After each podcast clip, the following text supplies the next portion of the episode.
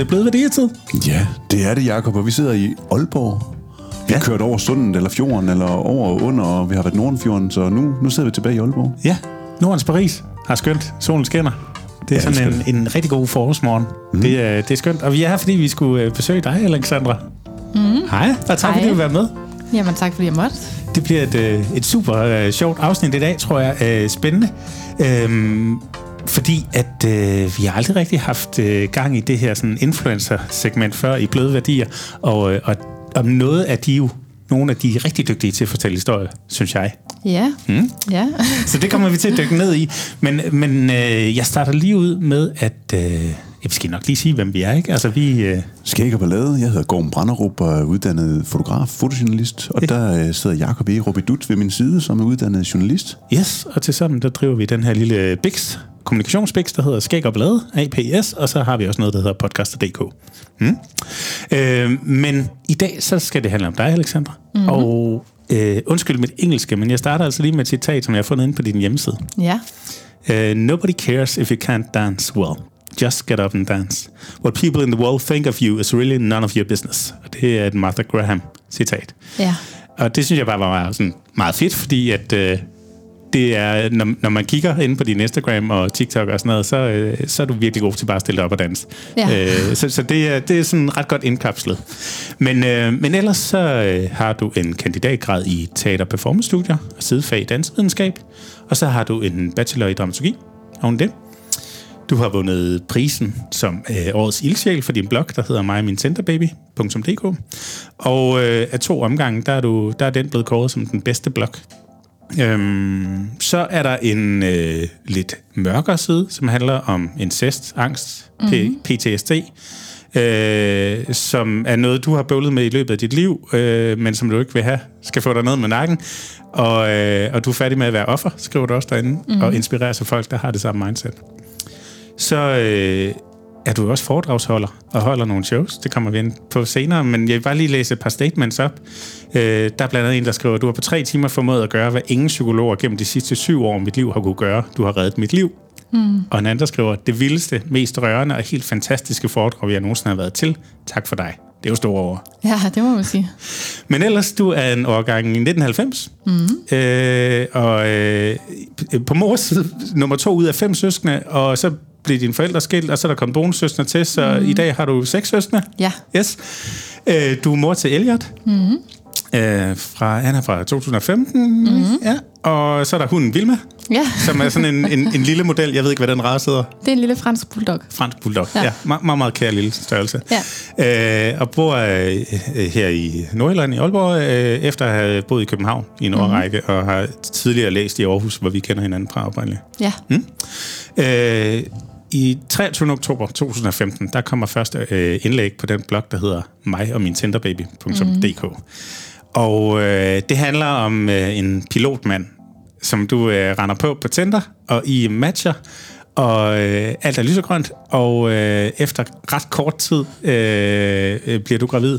Altså, det, er det sådan noget fire måneder ind i forholdet? Eller sådan? Ja, sådan fire måneder, seks måneder deromkring. Alright. Ja. Øh, men i hvert fald ret hurtigt, tror jeg, i, i forhold til, til mange standarder. Og, øh, og det kommer der så Elliot ud af. Ja. Øh, og, og du starter den her blog op, begynder at skrive, og har sådan en øh, ret bramfri tone derinde. Mm. Øh, der bliver talt om hemorrider og pøller og sex og alt muligt, og du skriver selv, at 80% af alle bloganlæg, det handler egentlig om ting, der gør det svært at være til. Ja. ja. Øh, og og, og det, øh, det trækker følgere til. Og stille og roligt, så rykker du fra bloguniverset over på Instagram. Mm. Der har du i dag knap 65.000 følgere. Mm. Og der er også kommet en TikTok-profil til med ja. 5.300 fans og øh, knap 15.000 likes derinde. Og du beskriver dig selv øh, på Instagram som en, der er bramfri. Du bryder tabuer. Du er foredragsholder, du er kendt mag, du er også NLP-coach. Øh, og så er du influencer, så man kan også lige øh, få 30% øh, på et produkt, hvis man går ind og bruger en, en kode. Ikke? Så det er sådan en god sammenblanding af alt muligt. Oven i det her, så er der dansen, der mm. fylder rigtig, rigtig meget. Øh, når du er ude og holde foredrag, øh, så, så er der ligesom to øh, overskrifter på det. Der er hashtag dans derop, og så er der hashtag bryd tabuet. Så det er, øh, du siger, det er ikke bare et foredrag, det er et helligt rum, du mm. skaber her, øh, hvor, hvor du hjælper folk med at få et nyt syn på livet. Øh, og det er så både et spørgsmål om at øh, dykke ned i beretningerne om en barndom med incest, et liv med angst, flere diagnoser.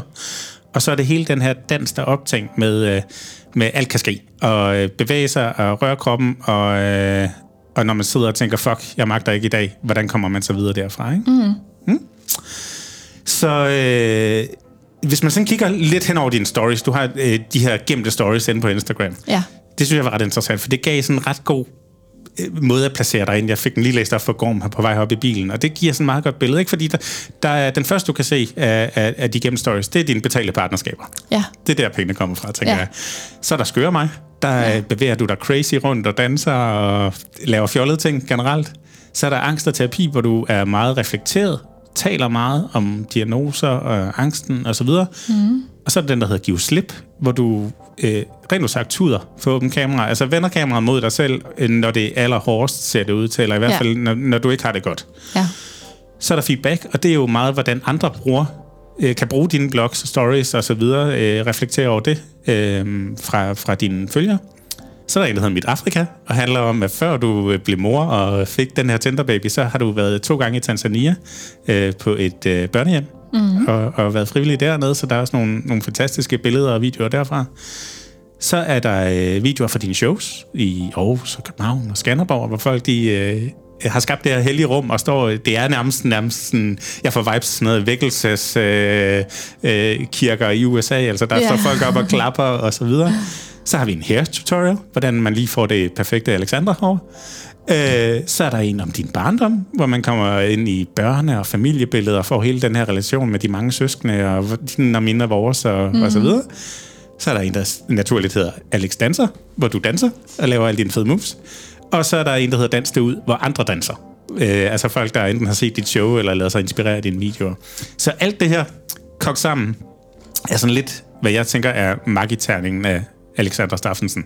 Øhm, og vi kan så sige, at Dans Derud har hashtagget det her, Dans Derud har pt. i 4300 opslag på Instagram. Så øh, der er virkelig nogen, der tager det til sig derude. Mm. Så det er sådan lidt, kan man sige, indkapslingen af, hvad jeg har kunne grave op på dig. Kan du, kan du kende dig selv i det? Ja, altså det, det rammer meget godt. Jeg tænker sådan, det kan da umuligt være... øh, Man kan ikke sige mange ord om det, om mig, men øh, det kan man, ja. kan jeg høre.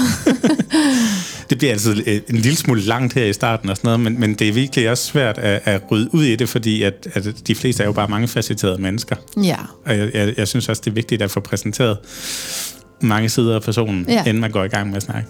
Men, øh, men der er ikke noget, jeg har fået galt i halsen der. Det, Nej. det passer. det, det passer. Er det der noget, jeg mangler? Nej, altså nej, du nævnte lige kort det der med, at jeg øh, var NLP-coach også, ikke? Ja.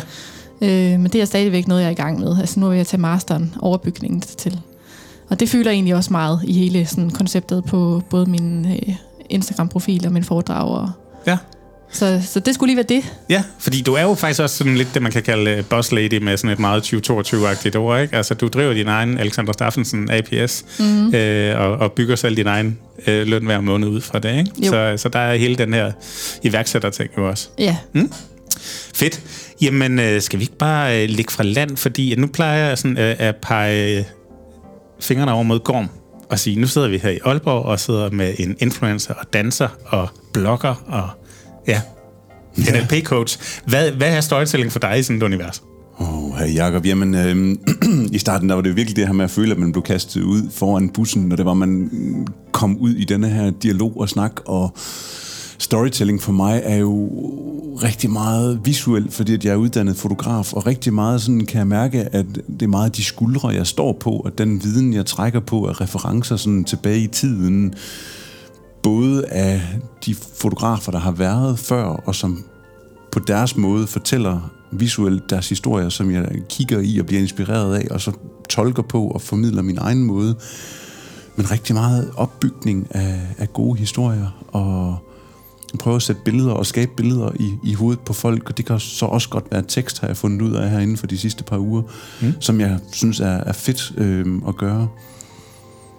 Nogle af de ting, du læste op i bilen, som jeg håber, vi kommer ind på også, altså det er, det er jo fedt, når man kan begynde at, at dykke ned i sproget og fortælle historier visuelt. Og Jeg læste nogle af dine indlæg for, mm. for Gorm i bilen, Ja. blandt andet det allerførste, du skrev, og også et indlæg om vejer.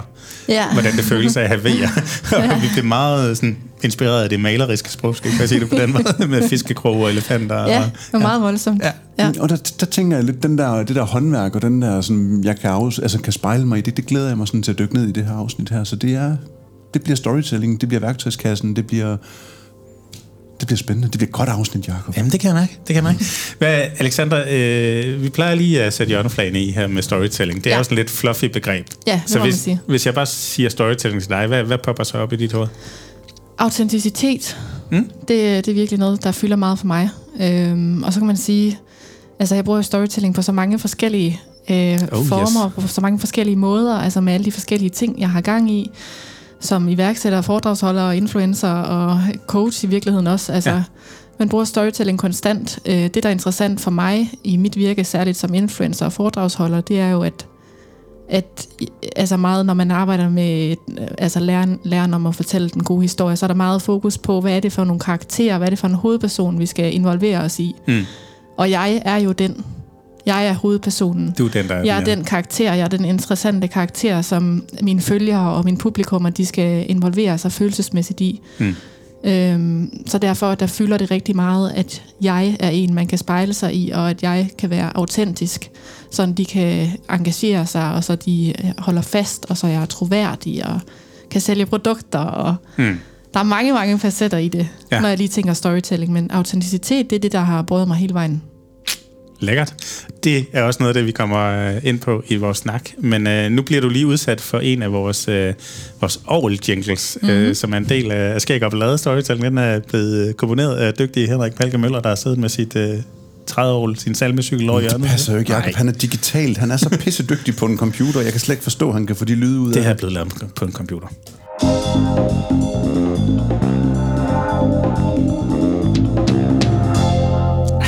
Fesen ind, men uh, you get the, the, the gist of it.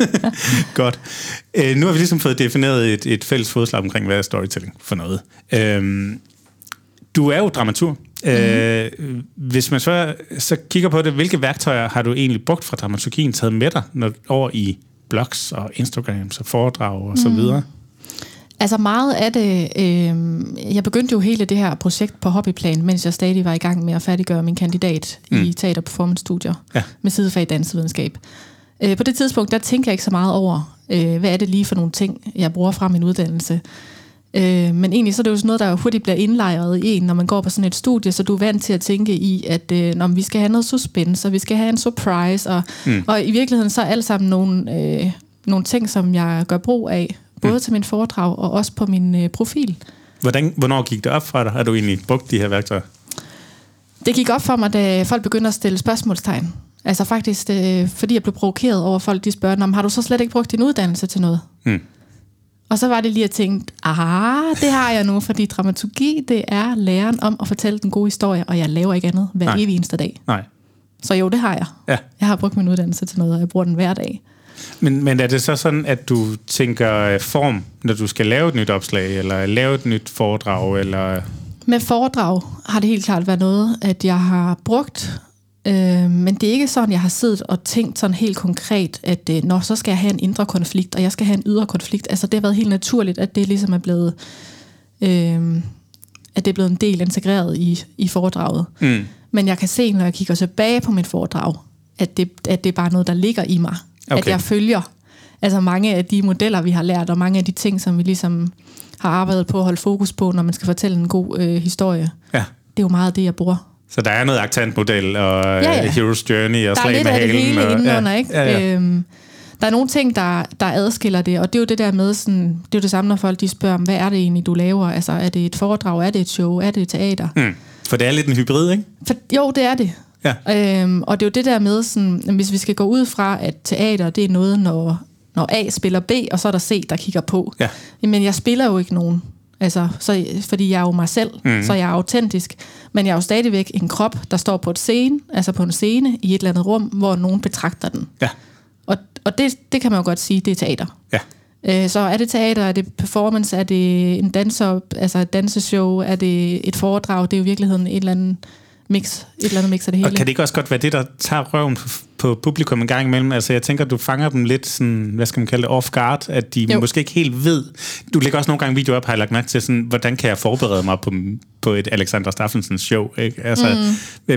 Får du nogle reaktioner på, at det er så anderledes et format? Meget. Altså folk øh, har jo tit dannet sig en eller anden, altså et billede af, hvad er det, vi går ind til, og det er Alexandra, og hun skal for, i hvert fald fortælle et eller andet med, hun har været udsat for en cest, og så skulle hun vist være god til at inspirere folk til at rejse sig, når det hele er svært. Det er sådan det, folk går ind til det med. Mm. Folk ved ikke rigtigt, hvad det handler om, jeg fortæller heller ikke rigtigt, hvad det handler om. Fordi det er i virkeligheden det, at med, med mit foredrag, så er det svært at sige, hvad er plottet? Ja. Det ved jeg ikke, fordi der er rigtig mange, altså der er rigtig mange små delfortællinger undervejs. Og det må man jo ellers normalt ikke. Der skal man jo være rimelig stringent ja. på at komme fra A til B, ikke? På den måde, der, der bryder jo lidt ja. øh, den struktur der. Sådan, hvad er plottet? Det kan jeg ikke fortælle jer. Så når folk spørger, hvad handler dit foredrag om? Øh, så handler det også om at, at vække en eller anden form for nysgerrighed, og være sådan, I må komme ind og se det. Ja. Det jeg kan sige, det er, at folk har sagt sådan her, og de har sagt sådan her, og de ja. har sagt sådan her. Ja. Og folk kan jo heller ikke finde ud af at beskrive, hvad det handler om, efter de har været der. Nej. De kan gå ud og fortælle dem, hvad er præmissen. Ja. Præmissen det er, at vi kan rejse os fra det, der er svært, ja. og at alle kan gøre det, og vi alle sammen har ressourcerne til at opnå de mål, vi gerne vil. Ja. Så. Men det er jo så også det lange format, kan man sige. Der har du tid til at forberede dig og bygge et show op, og så, kan det, så er der en del måske improviserende undervejs, og publikum mm. er med og sådan noget. Men når du så i din hverdag øh, laver dine stories, for eksempel, hvordan så med det her tekniske, det dramaturgiske og sådan noget? Er det noget, der bare ligger på ryggraden, eller er det noget, du først tænker over?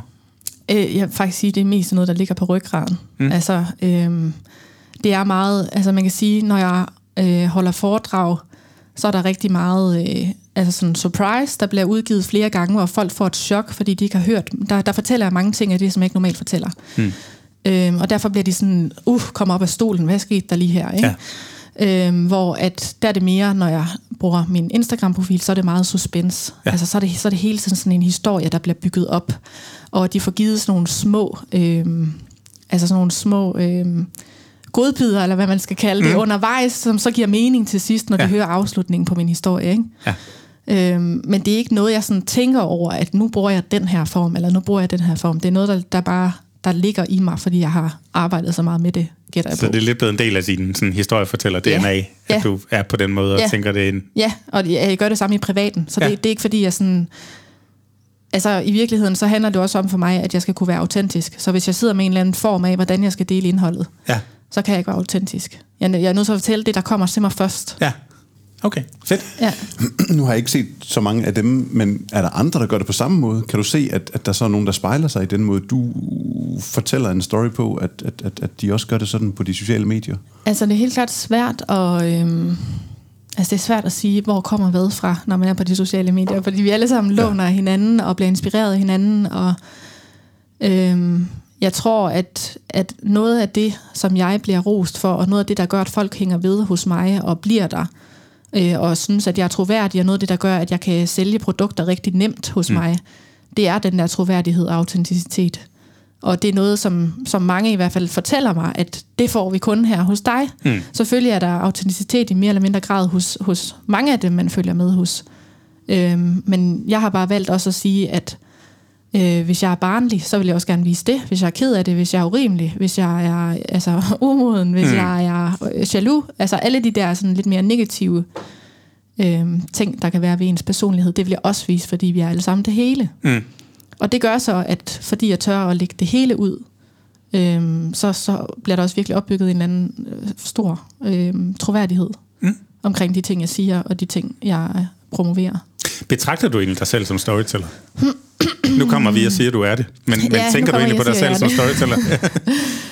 øh, ja, ja, det gør jeg faktisk. Igen, det gjorde jeg ikke i starten. Men efter jeg ligesom blev stillet spørgsmålet, ja. og jeg ligesom, nogen der sådan gik, gik til mig og var sådan, hallo, hvad kan du overhovedet?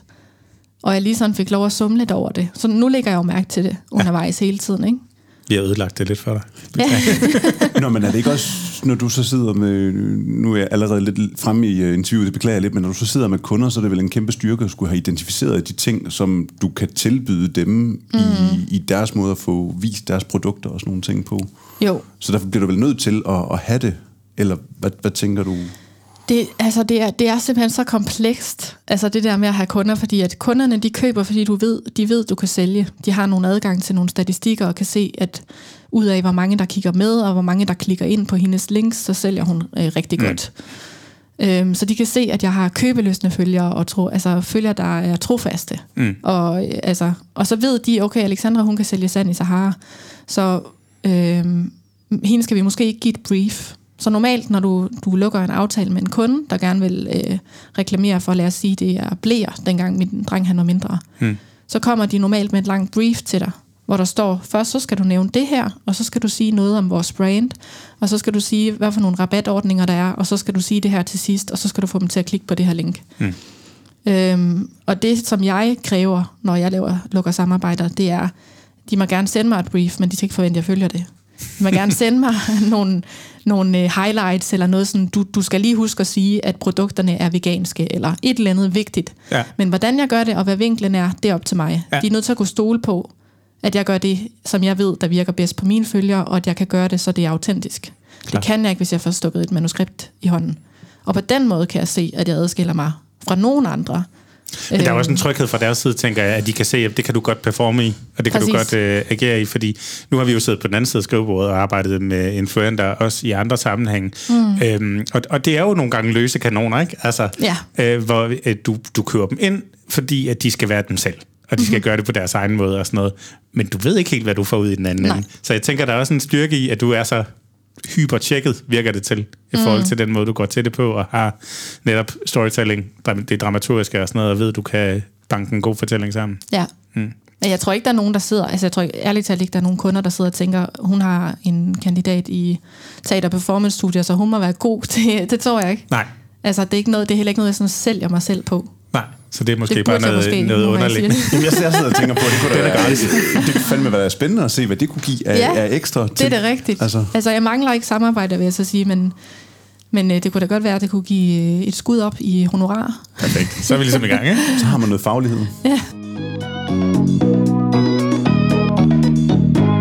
Alright, der fik jeg lige kortet af med en jingle. Øhm, hvis vi lige starter tilbage fra Square One, øh, så kunne jeg godt tænke mig at høre, hvorfor du valgte at træde op som den her offentlige person med, med bloggen Mig og min Tinder Baby. Mm, Hvad, Ja. hvad, hvad lå der? det er et rigtig godt spørgsmål. Fordi det var, det var ligesom der, at, at man lærte Ja. dig at kende, hvis man ikke var Ja. en af dine nærmeste. Det er sjovt, fordi at, øh, det er sådan med mig, og mange af de beslutninger, jeg har taget i mit liv, de er ikke øh, gennemtænkte. Og det var den her beslutning heller ikke. Mm. Øh, faktisk har det aldrig nogensinde været mening, at jeg skulle være offentlig, eller at folk skulle følge med i mit liv. På Det er gået måde. dårligt. Det er gået rigtig dårligt. det har aldrig været min mening. Øhm, det var sådan, at jeg var på barsel øh, med min dengang tre måneder gammel baby. Mm. Øhm, og jeg var græsænke en stor del af tiden, og jeg kedede mig. Øhm, jeg trives godt med at være i gang med en masse ting. Og så øhm, vil jeg egentlig bare gerne skrive noget online dagbog. Mm. Øh, og jeg googler online dagbog. Øh, jeg har aldrig i mit liv før læst en blog, eller fulgt nogen, eller altså du ved, det har jeg aldrig gået op i. Men jeg googler online dagbog og kommer frem til, at der er noget, der hedder blog. Procitgrum. Sorry. jeg kalder den lige. Ja, folk kan høre, der sker. virkelig og Det var, det var meget, meget flot. Men, Meget flot. nej, undskyld, vi afbryder. Nej, det gør ikke noget. Øhm, Online dagbog. Ja, og så fandt jeg ud af, at der er noget, der hedder en blog. Og der kommer en stor banner op, opret en gratis blog. Og jeg tænker, det kan jeg da godt, så kan jeg skrive ind i det her program. Mm. Øh, og så var planen egentlig bare, at øh, jeg kunne lige... Nu synes jeg jo selv, at jeg har skrevet et godt blogindlæg. Jeg tror, et af mine første blogindlæg var sådan noget øh, fem sting, to hemorrider og en baby riger. Jeps. Ja, Den kan jeg godt huske, den afskrift. ja. og jeg tænker sådan, at det kunne da være sjovt at dele det på min øh, Facebook-profil, min private Facebook-profil. Øh, så kan min mor øh, og søskende lige gå ind og læse med, hvis de synes, det kunne være sjovt. Mm. Øhm, og så sker der det, at øh, de her indlæg og deler, de går viralt til over 100.000 mennesker. Og øh, jeg bliver ret hurtigt kontaktet af et blogbureau, øh, der gerne vil skrive kontrakt med mig. Og altså så på ingen tid når jeg op på omkring 80.000 læsere, altså på et par uger på, Okay. min, øh, på min blog. Ja, det kan jeg også et eller andet, ikke? Øh, det kan noget, men på det tidspunkt vidste folk jo ikke, hvem jeg var. Nej. Jeg var jo bare en eller anden, der... Det var jo også satire. Ja. Altså, det var jo... Og du turde tur skrive hemorrider. Ja, ja, noget, jeg ikke? turde at skrive. Det gør jeg stadigvæk, men, Ja. men mange af de ting, jeg skrev dengang, vil jeg jo... Altså, jeg ville ende i en kæmpe shitstorm, hvis jeg gjorde det i dag. Mm. Og fordi folk ved, hvem jeg er nu, så Ja. jeg vil blive hængt ud for det. Ja. Men dengang kunne jeg bare gemme mig lidt bag Ja. tastaturet og skrive alle de her ting fuldstændig, som de var, altså uden filter. Ja, det er jo det byens velsignelse, kan man Ja. sige. Det der med, at der er ingen, der kender en, og man kan komme med lige præcis det, man vil. Præcis. Ja. Jeg var ikke kendt for noget andet, og Det virkede til, at der var et behov for det ude i samfundet, altså fordi folks øh, kommentar eller feedback til mig var, hvor er det befriende. Hvor er det befriende, der er endelig nogen, der tør mm. sige de her ting højt, fordi det, det var der ikke mange af dengang.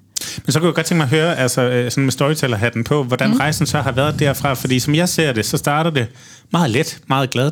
Der er en Tinder-date, der bliver til en fantastisk øh, sød lille baby, mm. øh, og alt er godt. Men så øh, bevæger vi os over til et forhold, der krakelerer, og øh, dig, der skal finde din egen ben i det. Mm. Øh, det kommer til at handle om psykisk sårbarhed, PTSD, incest mm. osv. Men samtidig er der jo stadig den her feel-good vibe omkring det og sådan noget. Kan, kan du ikke fortælle lidt om rejsen fra mig og min Tinder baby og til, til der, du er i dag? Jo. Øhm, altså i, i starten i min storytelling, der var det vigtigste for mig at lave, altså male en masse billeder af oplevelser, af følelser, af sensationer, der var i min krop. Mm. Så det kunne være af vejer, som jeg nævnte i starten, eller ja. det kunne være fødslen, øh, altså sådan om baby skulle ud, det kunne være øh, første store toiletbesøg efter fødslen. Det kunne være amning. Det kunne være parforholdet. Altså alt det her med at bruge et malerisk sprog til at forklare nogle billeder, til at i virkeligheden at sætte ord på nogle følelser, som andre, som mm. jeg ikke synes, andre havde gjort. Ja. Så folk kunne henvende sig til mig og sige, hvor du beskriver det jo præcis som det er, hvorfor der ikke nogen, der har kunne beskrive det sådan her før. Mm. Så folk kunne i virkeligheden øh, spejle sig og identificere sig ja.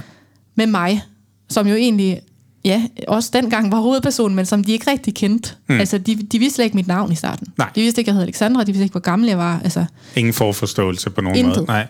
De kunne bare relatere til de her følelser, ikke? Mm. Og så er det jo lige så stille bevæget sig hen til at, at blive... Øh, altså, så er der blevet en masse mere øh, opklaring omkring mig.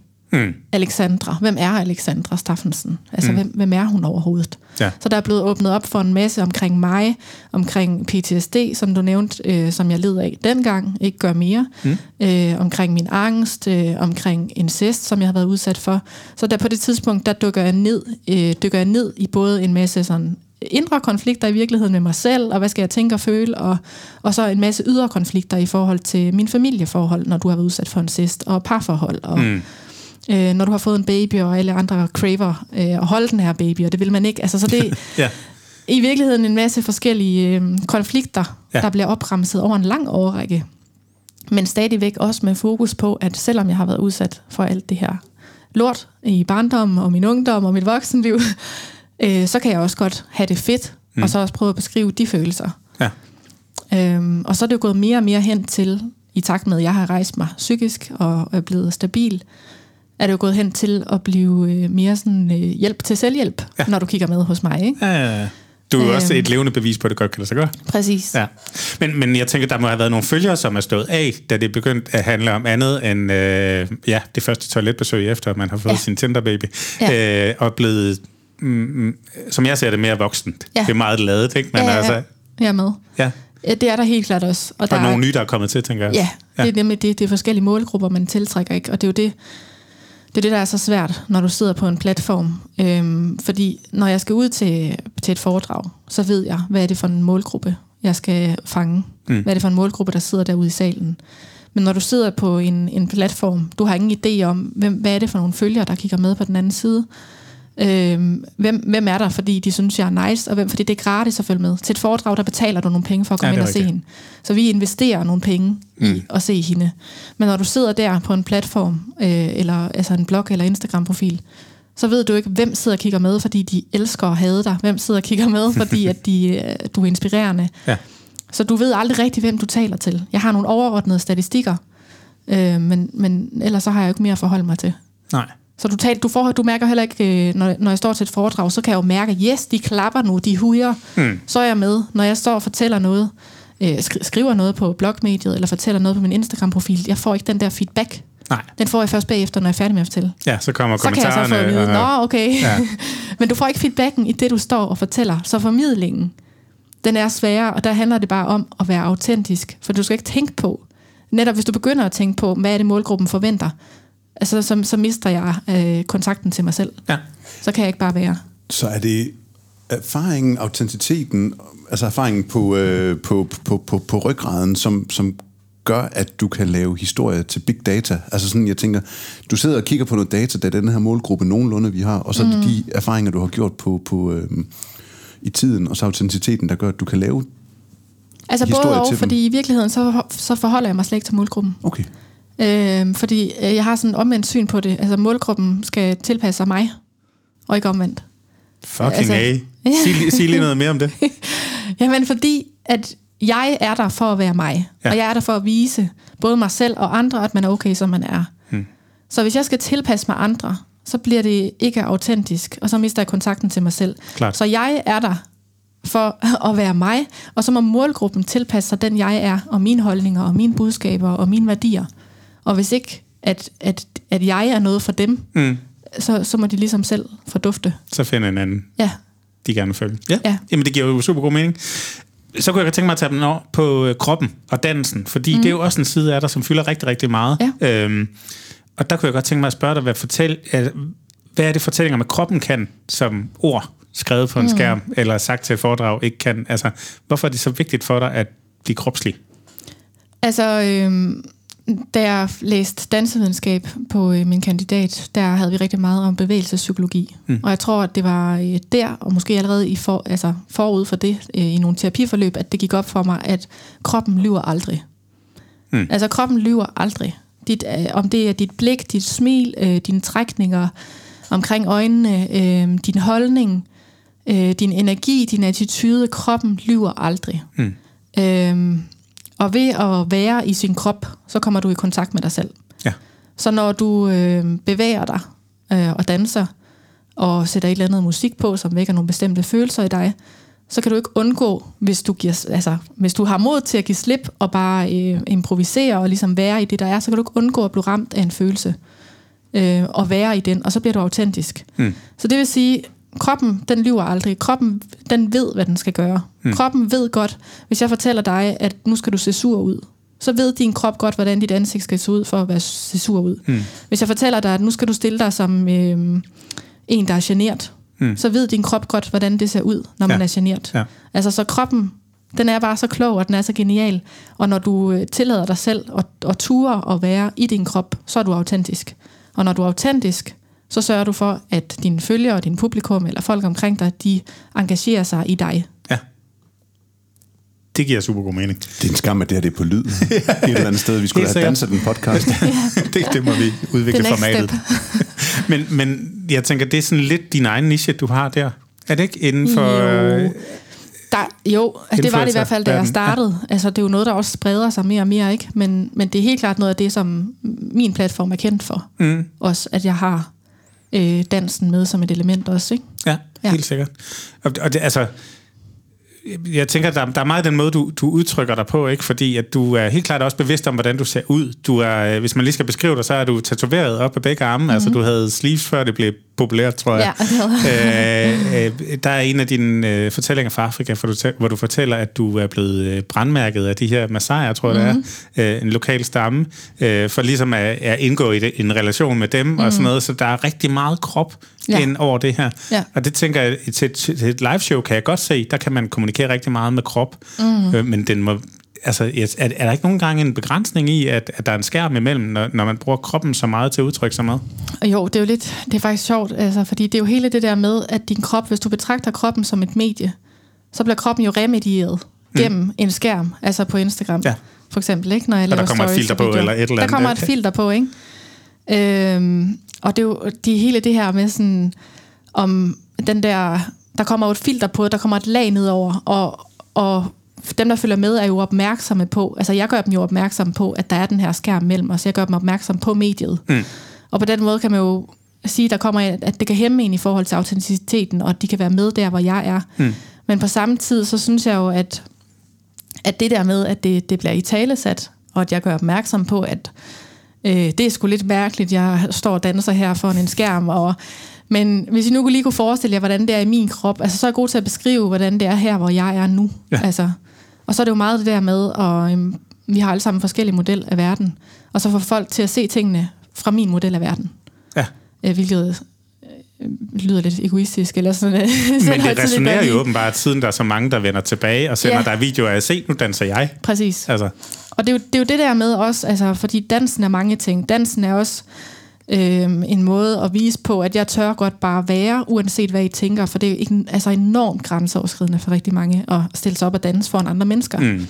Oh, ja. øhm, på en eller anden måde, så er det mindre grænseoverskridende for mig foran 64.000 følgere på Instagram, for jeg kan ikke se dem.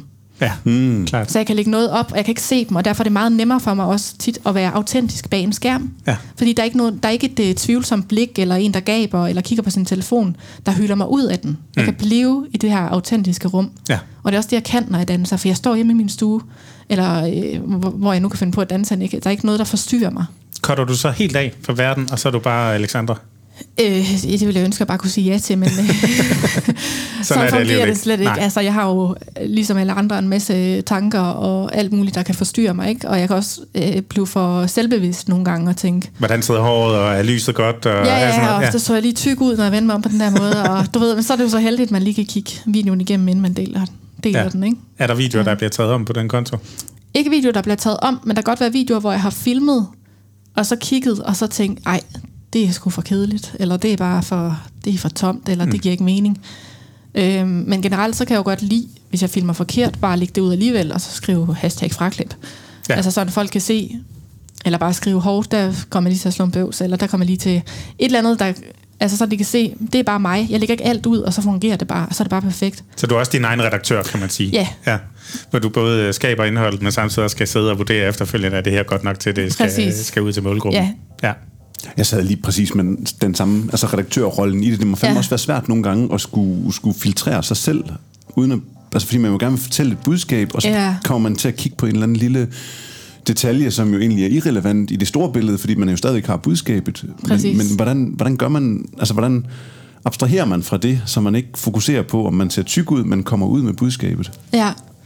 Altså jeg vil sige, lige det der med sådan øh, øh, krop, og hvordan man ser ud, altså hvordan man tager sig ud på et medie, det er noget af det, der har fyldt meget for mig, fordi jeg har haft sådan problemer med mit eget kropsbillede, og jeg har fløjet meget op og ned i vægt, og når jeg har haft det svært psykisk, har jeg vejet meget lidt, øh, hvilket har gjort det svært pludselig at veje mere, og der er mange ting der, som har fyldt for mig med det kropslige, som jeg jo desværre er opmærksom på, når jeg så øh, vejer mest.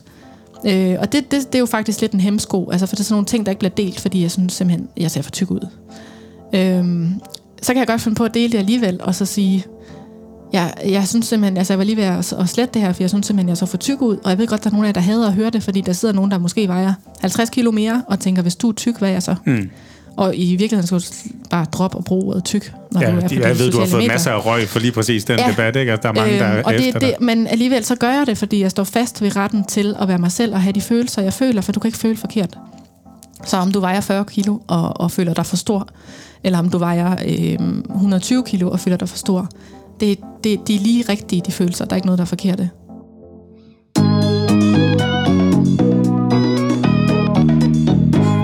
Alright.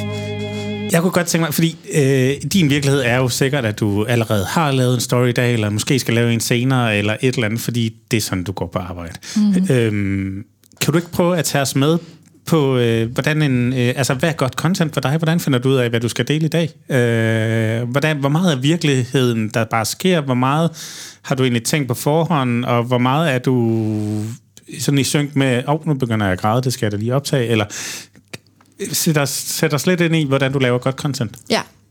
Øhm, det blev hurtigt en vane at skulle lave content. Mm. Øhm, så faktisk, så, så er det ikke noget, jeg tænker så meget over. Og igen, så bryder jeg mig ikke om, jeg bryder mig ikke om at lave planer for det. Nej. Øhm, jeg har arbejdet i praktik et sted før, hvor så bliver der lagt en contentplan. Så onsdag, der snakker vi om sexisme. Torsdag, der snakker vi om den her Ja, teaterforestilling. det kan godt dræbe øh, inspiration. Et, fuldstændig, fordi ja. at det bliver ikke det umiddelbare. Nej, Og det er det, der er det vigtige, det er at dele det umiddelbare. ja. Øhm, Men så- du ved at- også, at du skal udkomme. Altså, du ved jo Ja. godt, der er et pres på dig for at udkomme også, tænker Ja. jeg. Ja, ja, og det er jo det, du har også nogle ting, altså kampagner og, og lignende, hvor du ved, at det ligger på den dato klokken 8, og sådan er det bare. Ja. Øhm, men så må jeg få det til at passe ind i den øh, sindstilstand, som jeg er i klokken 8 den dag. Alright. Øh, så på den måde, så, så jeg laver sjældent noget på forhånd. Altså det skal være et eller andet, fordi det er et farmaprodukt, der skal godkendes, ja. eller jeg kan sige noget forkert. Men sådan det, det, det content, der bare altså, kommer fra hjertet, som ikke er planlagt, det er bare, hvis jeg føler noget, hvor jeg tænker, det her, det er der helt sikkert nogen, der sidder på den anden side af skærmen, som de kan, der kan genkende, eller der kan spejle sig i. Det Hvad, hvad, hvad kunne det være? Det kunne være, hvis jeg oplever angst. Ja. Øh, så det kan være, at jeg sidder øhm, For eksempel, da vi starter den her podcast og sætter os til bordet, så kan jeg mærke, åh, oh, nu bliver jeg utilpas. Der bliver lukket af for mine ører, der er en mærkelig lyd. Øh, jeg kan mærke angsten, den sidder i min krop. Jeg får lyst til at sige, ej, jeg, jeg skal lige have fem minutter. Mm. Men fordi at jeg har så mange værktøjer øh, i redskabskassen, hvad hedder det, værktøjskassen, Ja. så, øh, så ved jeg godt, at hvis jeg går ud, så husker min krop, at, øh, at næste gang jeg sidder i sådan en situation, at så, mm, der var jo noget at være bange for. Kunne du huske det? Du gik også sidste gang. Ja. Øh, så derfor ved jeg godt, at jeg skal blive siddende. Fordi Aha. der, så, så passerer det. Jeg skal bare tillade mig selv at være i følelserne. Det var en ting, jeg kunne finde på at nævne senere i dag, når jeg skal lave en story. Og så sige, at jeg har lavet podcast i dag. Øh, det var mega spændende. I kan høre den der og der, på det og det tidspunkt. Øh, men fuck, det var ubehageligt. Vi satte os ind i det her mødelokale, jeg havde lejet til dem, og pludselig så kan jeg bare mærke den her citron i min krop, og den her hjertebanken, og så vil jeg begynde at beskrive de symptomer, jeg har oplevet. Ja, klart. Fordi der sidder en masse mennesker derude med angst, som så vil tænke, ah, okay, fuck, hun er også bare et menneske, og det er lige den angst der, som jeg også døjer med, og hun Klar. ja. kender også til den uvirkelighedsfornemmelse, eller hvad end det må være, ikke? Ja. Er det noget, der kan svigte dig lige nu, og så snakke om det? Fordi Nej. for mig der var den egentlig meget tydelig. Jeg kunne godt se på dig, at du var ikke komfortabel mm. i mm. situationen, hvor at, at, at vi sad, og, og, og der var sådan lige den der lidt flagren, som jeg, jeg, Ja. jeg kender den 200% selv, Ja. fordi at inden vi starter, så er det altid Jakob der er super velforberedt, og, og jeg prøver egentlig Tak bare at tabe ind i, i, det her univers, han, ja. Han skaber imellem det, og, og prøve på at byde ind på, på min måde. Og, og mine tanker har om Gud været andre steder i de sidste par uger. Mm. Så jeg kunne sådan se, at, at, at, at der var noget, hvor jeg tænkte sådan, det var fint, at Jacob han lige var ude. Vi laver lidt lyd. Jeg spørger, hvad du har fået til morgenmad. Ja. Og sådan lige Ja. prøve at tage en kop kaffe og lidt vand og bringe stemningen sådan helt ned. Ja. For jeg kan godt lide, at du siger, at, at den kan passere igennem kroppen, fordi at, at det er der om nogen et kæmpe værktøj derude, og så vide, Ja. jamen okay, det er pisse ubehageligt. Om 3, 2, 1, så er jeg i det, og Ja. så er det overstået, og så er man Præcis. bare i gang. Og det er jo det, havde jeg i tale sat det i momentet, så havde jeg puttet for meget fokus på det. Ja. Øhm, fordi så havde, så havde jeg jo, altså det er jo det, det vi lyser på med lommelygten, det er det, der bliver tydeligt. Hmm. Så havde jeg gjort det, så nu hvor jeg ligesom er igennem det og kommer ud, og nu har jeg det behageligt, jeg sveder, og det gør jeg altid, når jeg sidder og snakker, men jeg har det behageligt nu, øh, og jeg er tryg nu, Ja. og det er ligesom passeret, jamen så kan jeg tale om det. Og så giver det faktisk også en anden ro, fordi så kan jeg hellere tale om det, der var, fordi det er der ikke mere, og jeg er kommet igennem det. Der er Øhm, også meget, øhm, nu sagde du selv, at kroppen lyver, ikke? ikke? Men, mm. men vi har også alle sammen ændret kropssprog, og nu sidder vi og læner os frem og hinanden. Og sådan, der, der, er Ja. sådan, altså, der sker jo også noget i relationen. Som journalist ved jeg det også, når jeg er ude og snakke med nogen. Ikke? Altså, at det tager tid at etablere et godt spørgsmål. Og Ja. de gode spørgsmål, eller et godt interview, og de gode spørgsmål kommer ofte til sidst, fordi der har du så har du common ground, og du har lært hinanden at kende, og du kan godt se, okay, han, hun vil mig det ikke ondt, eller et eller andet. Altså, mm. der tænker jeg, der, er- der er rigtig meget kropslig forståelse i, i sådan en samtale. Det er ikke bare ord. Nej, mm. og det er i virkeligheden meget det, vi... Det er vi, jeg er kun mig. Jeg plejer at sige sådan, mi, øh, vi, det er mit firma eller os, og Ja, vi gør... Det skal man jo. APS'en, ja. ja. præcis. Det er i virkeligheden meget af det, som jeg arbejder på, når jeg holder foredrag, og også når jeg øhm, er på og skal sælge et produkt eller et eller andet. Hvis der er noget, jeg bliver sådan ukomfortabel ved at tale om, så er det, og det der med at bevare min egen tilstand. Og det er også noget af det, som jeg bliver trænet i, i den her øh, NLP-uddannelse, som jeg er ved at tage, eller som jeg har taget en af, og vi har bygget ovenpå. Det er at bevare sin egen tilstand, og det er sjovt, for på den uddannelse, der får vi at vide, at vi hele tiden lige skal få styr på os selv, inden vi træder ud på en scene, eller inden vi går ind i et rum, hvor vi skal performe, eller være på, eller præstere, eller undervise, eller hvad det må være.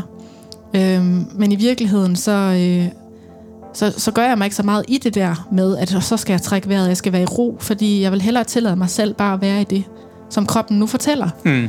Øhm, fordi Ikke- jeg ikke flygte fra det, men Nej, jeg bryder mig ikke om at, ja. at undertrykke det. Ja, ja, klar. Øh, Så på den måde, så, så, så bliver jeg altid lidt provokeret over det der med, jeg kan huske, at jeg fik at vide ude på uddannelsen for et par uger siden, hvor jeg skulle lave et lille oplæg, at jeg skulle lige passe på min egen tilstand, øh, fordi jeg snakkede for hurtigt. Ja. Og så bliver jeg lidt sådan, nej, det skal jeg fandme ikke, fordi jeg vil være autentisk. Ja. Og jeg var nervøs, og så snakker man hurtigt. Ja. Så jeg gider, ikke, jeg gider ikke at lade som om, eller stå og være noget, Nej. jeg ikke er. Så igen falder det hele tilbage på autenticiteten, ikke? Præcis.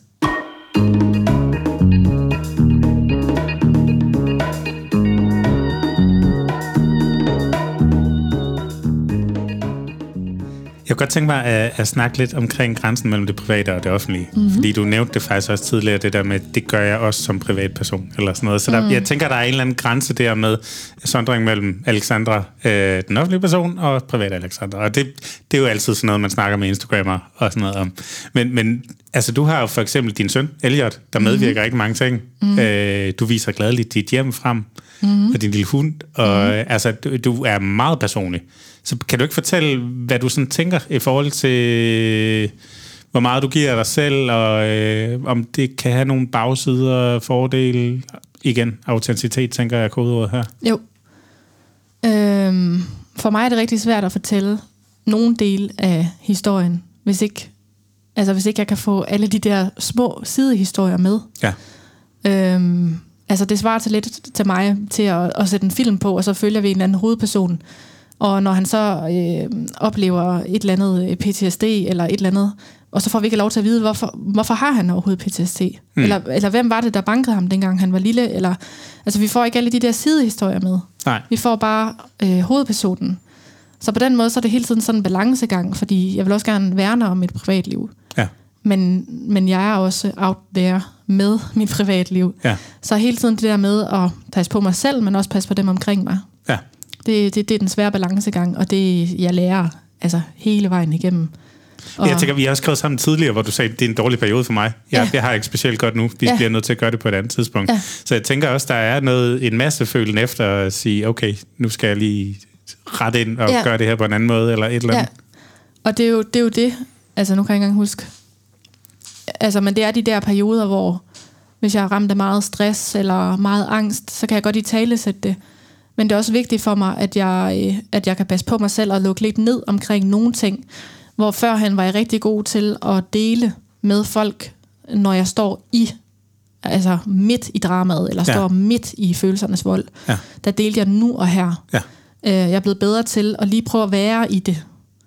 Og, og så efterfølgende kigge tilbage og så sige, "Ah, her for et par dage siden, der var jeg helt, det var Ja. ja. forfærdeligt, eller øh, i sidste uge, eller hvad det nu må være, fordi det nogle gange er for hårdt følelsesmæssigt at dele ud af det, som man står i nu og her.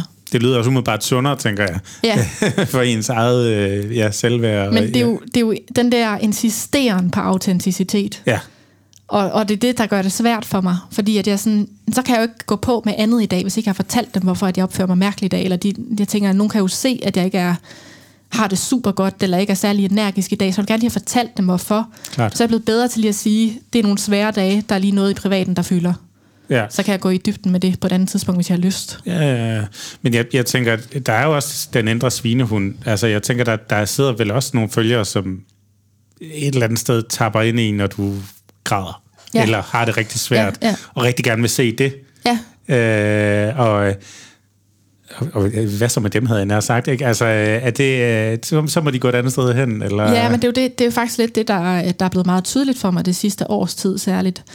Øh, det sidste års tid øh, har jeg rykket mig rigtig meget, og mm. altså det her med at have bygget sin egen virksomhed op, jeg har købt mit eget hus, min egen bil, mm. øh, jeg altså pludselig tjener jeg mange penge, ikke, hvor jeg gik fra SU før, Ja. øh, og altså sådan, så det hele kan godt virke sådan, åh, hun er så heldig, eller hun har det så godt. Og, og, og i og med, at jeg også deler mange flere af de ting, som jo går bedre. Det Ja. går bedre for mig. Jeg er mere lykkelig. Altså, jeg har et federe liv. Jeg har flere penge. Altså, ja. jeg har råd til rejser. Ja. Jeg har det meget bedre. Jeg har stadig alt muligt, jeg kæmper med indvendigt, og svære dage. Og, men jeg har også alle de her nice ting. Men det betyder, at nogle af dem, som fulgte med i starten, apropos det her med, at målgruppen ligesom må tilpasse sig mig, Mm, mm, øh, at de falder fra. ja, Fordi, fordi det, er ikke, det er ikke rart. Vi startede med at følge dig, fordi vi kunne spejle os i, at du, du havde angst hver dag, du havde søvnproblemer, altså du sad og græd flere gange om ugen på din telefon, altså Ja. ja. til os, og vi Ja. havde det her sammen, og du var vores veninde. vi har en jo begge måde. to været udsat for incest, og vi har jo den samme historie, og hvor, hvorfor har du nu smuttet fra mig? Altså, Ja. jeg, vi var her sammen, og nu er, du, nu er du bare stukket af, og jeg sidder stadig fast her. Så det er lidt en veninde, der slår op med en, eller hvad kan man sige på den måde, ikke? Altså det er sådan, som i hvert fald bare... Øh, nogen kan måske opfatte det som om, at jeg så ikke længere øh, har forståelse eller medfølelse, eller, og, og fordi at, at meget af mit budskab jo også er at komme ud af offerrollen. Ja. Altså du, du, du skal rejse dig, og det, det er kun en, der har ansvaret for dit liv, og det er dig selv. Ja. Og vi bestemmer ikke selv, hvorfor nogle kort vi får på hånden, men vi bestemmer fandme selv, hvordan vi spiller dem. Mm-hmm. Og, og det er svært at få at vide for en. Det, det er nemt for mig at sige dengang, fordi jeg havde også de svære dage, så vi kunne blive enige om, ja, det er rigtigt, men vi er stadig ulykkelige sammen. Mm. Nu står jeg et andet sted, så er det provokerende at få at vide. Ja, det kan jeg fandme godt forstå. Ja, og det, det gør, at, at mit øh, følgertal og alt andet altså, jo svinger mere end nogensinde, ikke? Og, og også nogle gange af dalene, hvor det altid... Altså, jo værre jeg fik det, jo flere følgere kom der til, ikke? Ej, det er interessant. Ja. Det har du er simpelthen kunne interessant. aflæse direkte. Det, det, kan jeg jo, det kan jeg jo se, altså, fordi det er jo, min rejse er jo gået fra 0 til 100, ikke? Altså, Ja. Er det så mere modne, øh, hvis man kan bruge det ord, som, som også følger med dig, mm. og, og, er et andet og et nyt sted i deres liv, som, som så bliver følgere? det er meget svært for mig at vurdere, fordi dem var der også rigtig mange af før. Øhm, for der, der har også altid fulgt mange med, fordi de har været pårørende til nogen, der har været udsat for en incest, eller har angst, eller, eller nogen, som netop havde gået rejsen, ligesom jeg har nu. Mm. Øhm, så det, det er meget, meget svært at vurdere, men jeg ved i hvert fald, at mange af de sårbare er dem, der falder fra, eller øh, bliver, men, men så bliver omdannet til, til det, man vil kalde for hatere. ja. Øhm, Bøvler du meget med hater? ja, det gør jeg. Ja. Ja. ja. Og hvad er dit øh, gode råd til det, Øh, hvis der er noget? Ja, altså det er jo fandme... Det, det, altså, det er jo så sindssygt svært. Det er jo, jeg ved, jeg kan jo både tale for mig selv og min kollega, men over, altså, overvejer jo nogle gange at lukke hele lortet ned, ikke? Fordi Ja. det, det, det er jo voksenmobning på højt plan. Og du står alene. Jeg har ikke nogen bag mig, så jeg er Alexander Staffensen Abyss, ikke? Og jeg mm. står her for mit. Øhm, men altså, det, der hjælper mig, det er at, at altså, skubbe det væk og, og ligesom anerkende og respektere, at de, de har deres model af verden, og den kan jeg ikke lave om på. Mm. Og det, de føler, det er også okay. Og, og når der kommer noget voldsomt, som de vil måske kalde for konstruktiv kritik, øh, det, Ja. det er det ikke. det, er bare, øh, det er jo bare direkte kritik. Ja. Øhm, når der kommer sådan noget, og det er den modbydelige at dur, altså sådan noget med, du burde aldrig have fået et barn, eller stakkels din dreng, eller noget af den dur, så, så er jeg nødt til at huske mig selv på, at det, det kan kun komme fra et menneske, øh, som er i underskud, som ikke har det godt. Mm. Så, så for mig handler det om at prøve at finde øh, ja, noget empati frem, og altså, på en eller anden måde få noget medfølelse for, hvilken situation de måske må stå i. Ja. Kan du huske, hvor vi hørte det før? Da vi havde Line Jensen, illustratoren, som skrev sin første bog på barsel med mm. lortefoden, der ikke virkede, og det hele bare var, var bare lidt for svært, ikke? Og hun lavede tegninger med venstre hånd, øh, mens øh, hun var i gang med at putte og sådan noget, ikke? Og kom i Godmorgen Danmark, og der var også bare øh, reaktionerne fra, øh, fra du ved, her fra Kakkelborg med sådan, du skulle ikke have fået det barn, hvis du er så fucking træt ja. af det, ikke? Ja, præcis. Men, men hvor, hvor hun også vendte det til en styrke, og, og brugte det til at sige, jamen der sidder nok nogen herude, som har brug for ligesom at få et uh, empatisk rush, og, Ja. og også at der er nogen, der siger, at det faktisk godt kan være lidt slemt en gang imellem, og det, Præcis. det er ikke bare uh, altså, guld og grønne skov det hele. Og jeg tror også, altså det man skal huske på, øh, ja, en, den terapeut, jeg går hos nu, øh, sagde sådan til mig på et tidspunkt, at du skal huske, øh, at man kan, man kan kun have, når man først har elsket. Altså, mm. så det er det der tit at, at fortælle sig selv, at jeg har noget, de har brug for. Ja. Dem, der kigger med, kigger med hos mig, fordi jeg har noget, de har brug for. Ja. Om det er noget, de kan lide, de har brug for, eller ej, det er sådan set det er ikke vigtigt. Jeg Nej. har noget, de har brug for. Der er noget læring i det. Både for mig og for dem. Ja. Øh, det giver mig en eller anden ro. Men jeg tænker også, du kaster dig sidelæns ind i ilden, ikke? Fordi en ting er så dig selv, Alexandra, og alt det, du står for at gøre, er og sådan noget. Men nu har du så taget Elliot med i, mm. i, i lejen, og så har vi hele børneopdragelsesdebatten, og folk ved jo ved Gud bedst, hvornår han skal i seng, og hvad han skal have at spise, Ja, tænker jeg. det er crazy. Og nu har du også fået en hund, så nu har du Ja. hele hundeejer-segmentet Ja. på nakken garanteret også, i forhold til, om I går lange nok ture, og, og Jo, hvad jo, har vi jo, og sådan noget. Du holder dig jo heller ikke tilbage for Nej. at sætte røven i klaskehøjde, tænker jeg. Og det, det er netop fordi, og det er den der, altså det bunder jo i en masse traumer fra barndommen med incest og sådan noget med at føle sig forkert. Ja. Øh, og så til at stå her i dag og insistere på retten til at være mig, og hvad alt det indebærer. Så uanset hvor mange klask jeg får, ikke? Altså, så, så insisterer jeg på, at det, I, skal, I skal dele med ikke bestemme, hvordan jeg skal være, eller hvad jeg skal dele noget om.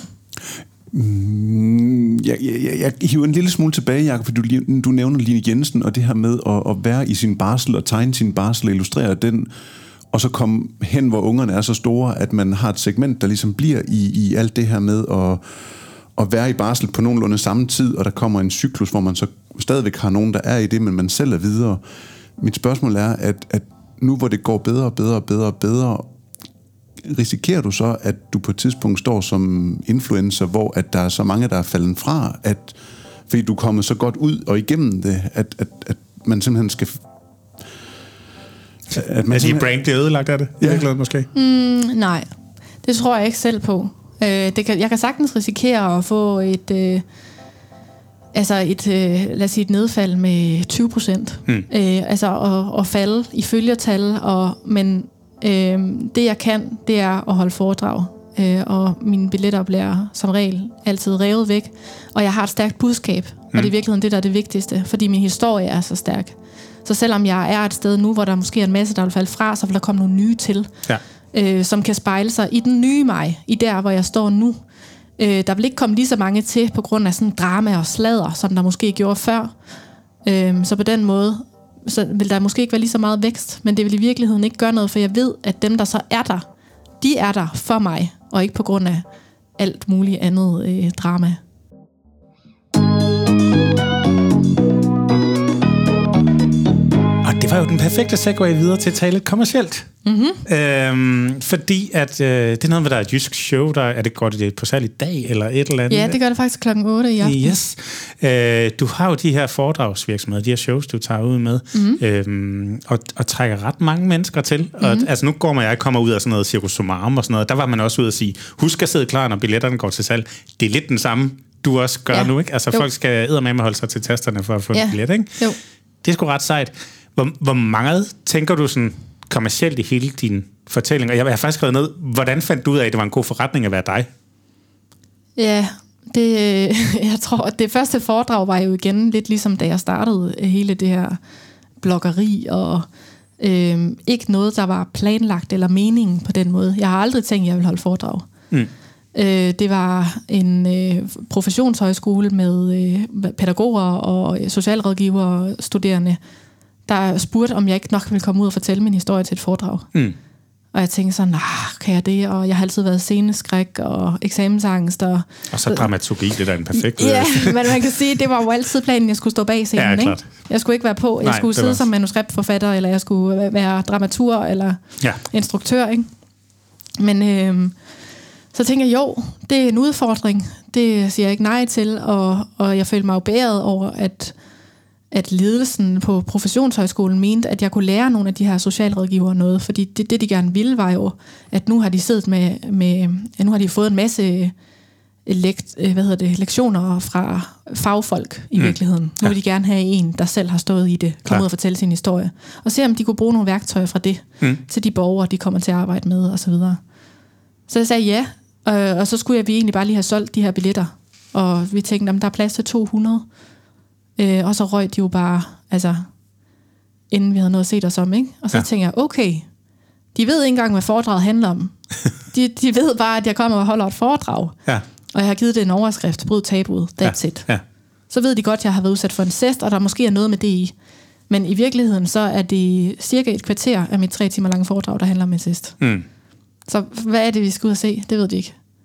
Det er ret vildt. Og så er de væk, til billetter. Og så tænker jeg, hvis jeg kan sælge 200 billetter så hurtigt. Og det her var jo sådan noget, det, det, det var jo til deres fortjeneste. Jeg tror, jeg fik en gave, øh, gavekurve på 1000 kroner eller et eller andet. Ikke? Nå, det er lidt trist. Ja, men jeg vidste ikke bedre. Nej. Jeg tænkte bare, det er fint, at jeg kan godt komme ud og fortælle om det.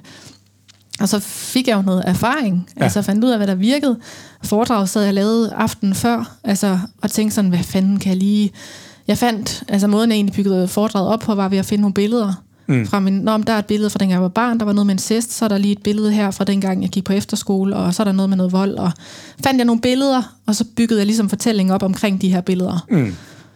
Øhm, og det brugte jeg, det ved jeg ikke, 4-5 timer på aftenen inden det her foredrag. Mm. Og så kørte jeg jo ellers afsted mod foredraget, og så fandt jeg jo ud af, altså så var der jo kæmpe klapsalver, og de vildeste feedback, og efterfølgende, så tænkte jeg, det, det kan måske noget, og jeg delte jo lidt, lidt små bidder mm. øh, på min Instagram-profil fra det her foredrag, og havde en veninde med, der ligesom dækkede det, og var sådan, ja.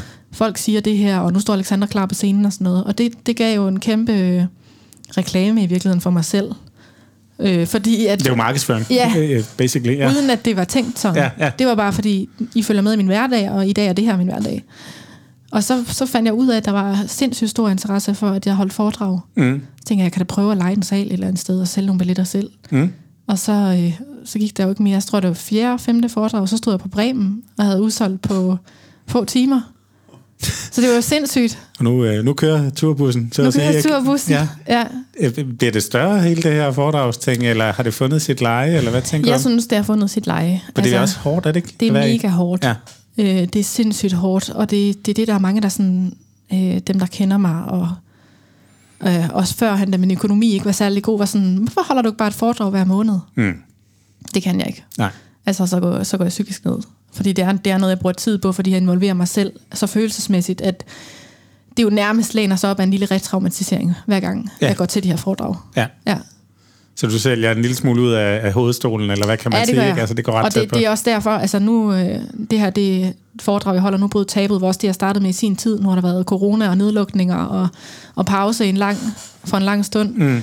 Øh, og nu, nu bliver der altså kun et par stykker mere af det her foredrag, og så skal jeg videre med noget, hvor at jeg ikke følelsesmæssigt skal investere lige så meget af mig selv. Mm. Øhm, fordi det, det har bare indset, at det er for hårdt, fordi jeg er meget i min krop, og når jeg fortæller om overgrebene, så er jeg i den krop igen, Det er klart. da jeg var barn. Ikke? Og det behøver vi heller ikke dykke- ned i nu, men, Nej, nej. men jeg tænker, så kan det næste jo pege i retning af autenticitet, eller et eller andet som jo er andre Præcis. sider af Alexandra og din virksomhed, ikke? Jo.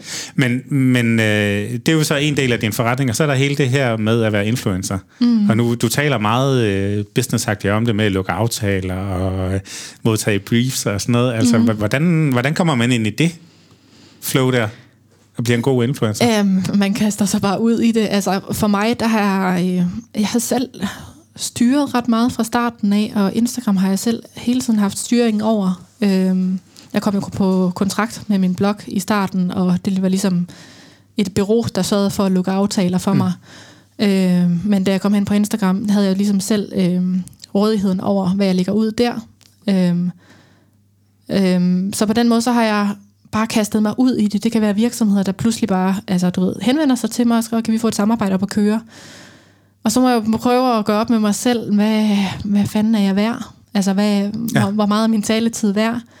Spare lidt med nogle kollegaer, og så, så har jeg altid været meget... Øh, man kan jo sådan snakke om, at man har forskellige personlighedstyper, og man kan være, hvis du tager diskmodellen, så kan du være rød, og du kan være blå, og mm. du kan være gul, og jeg har altid været meget sådan gul, som er, er gambleren, og den, der bare kaster sig ud i ting, og Ja. man er ikke, øh, altså, får du et IKEA-møbel, så kigger du ikke manualen, du går bare i gang med at kaste ting sammen, ikke? Og så Og, hellere ba- og ud af- bander rigtig meget. Ja, ja. øhm, men, men så når jeg er business, Ja. altså når det er arbejde, så bliver jeg meget, øh, jeg er stadig gul, jeg gambler meget, men jeg har også meget det, øh, af, det røde, som er sådan meget den dominante, altså det er jo så statsminister og leder og sådan Ja, noget, ikke? ja.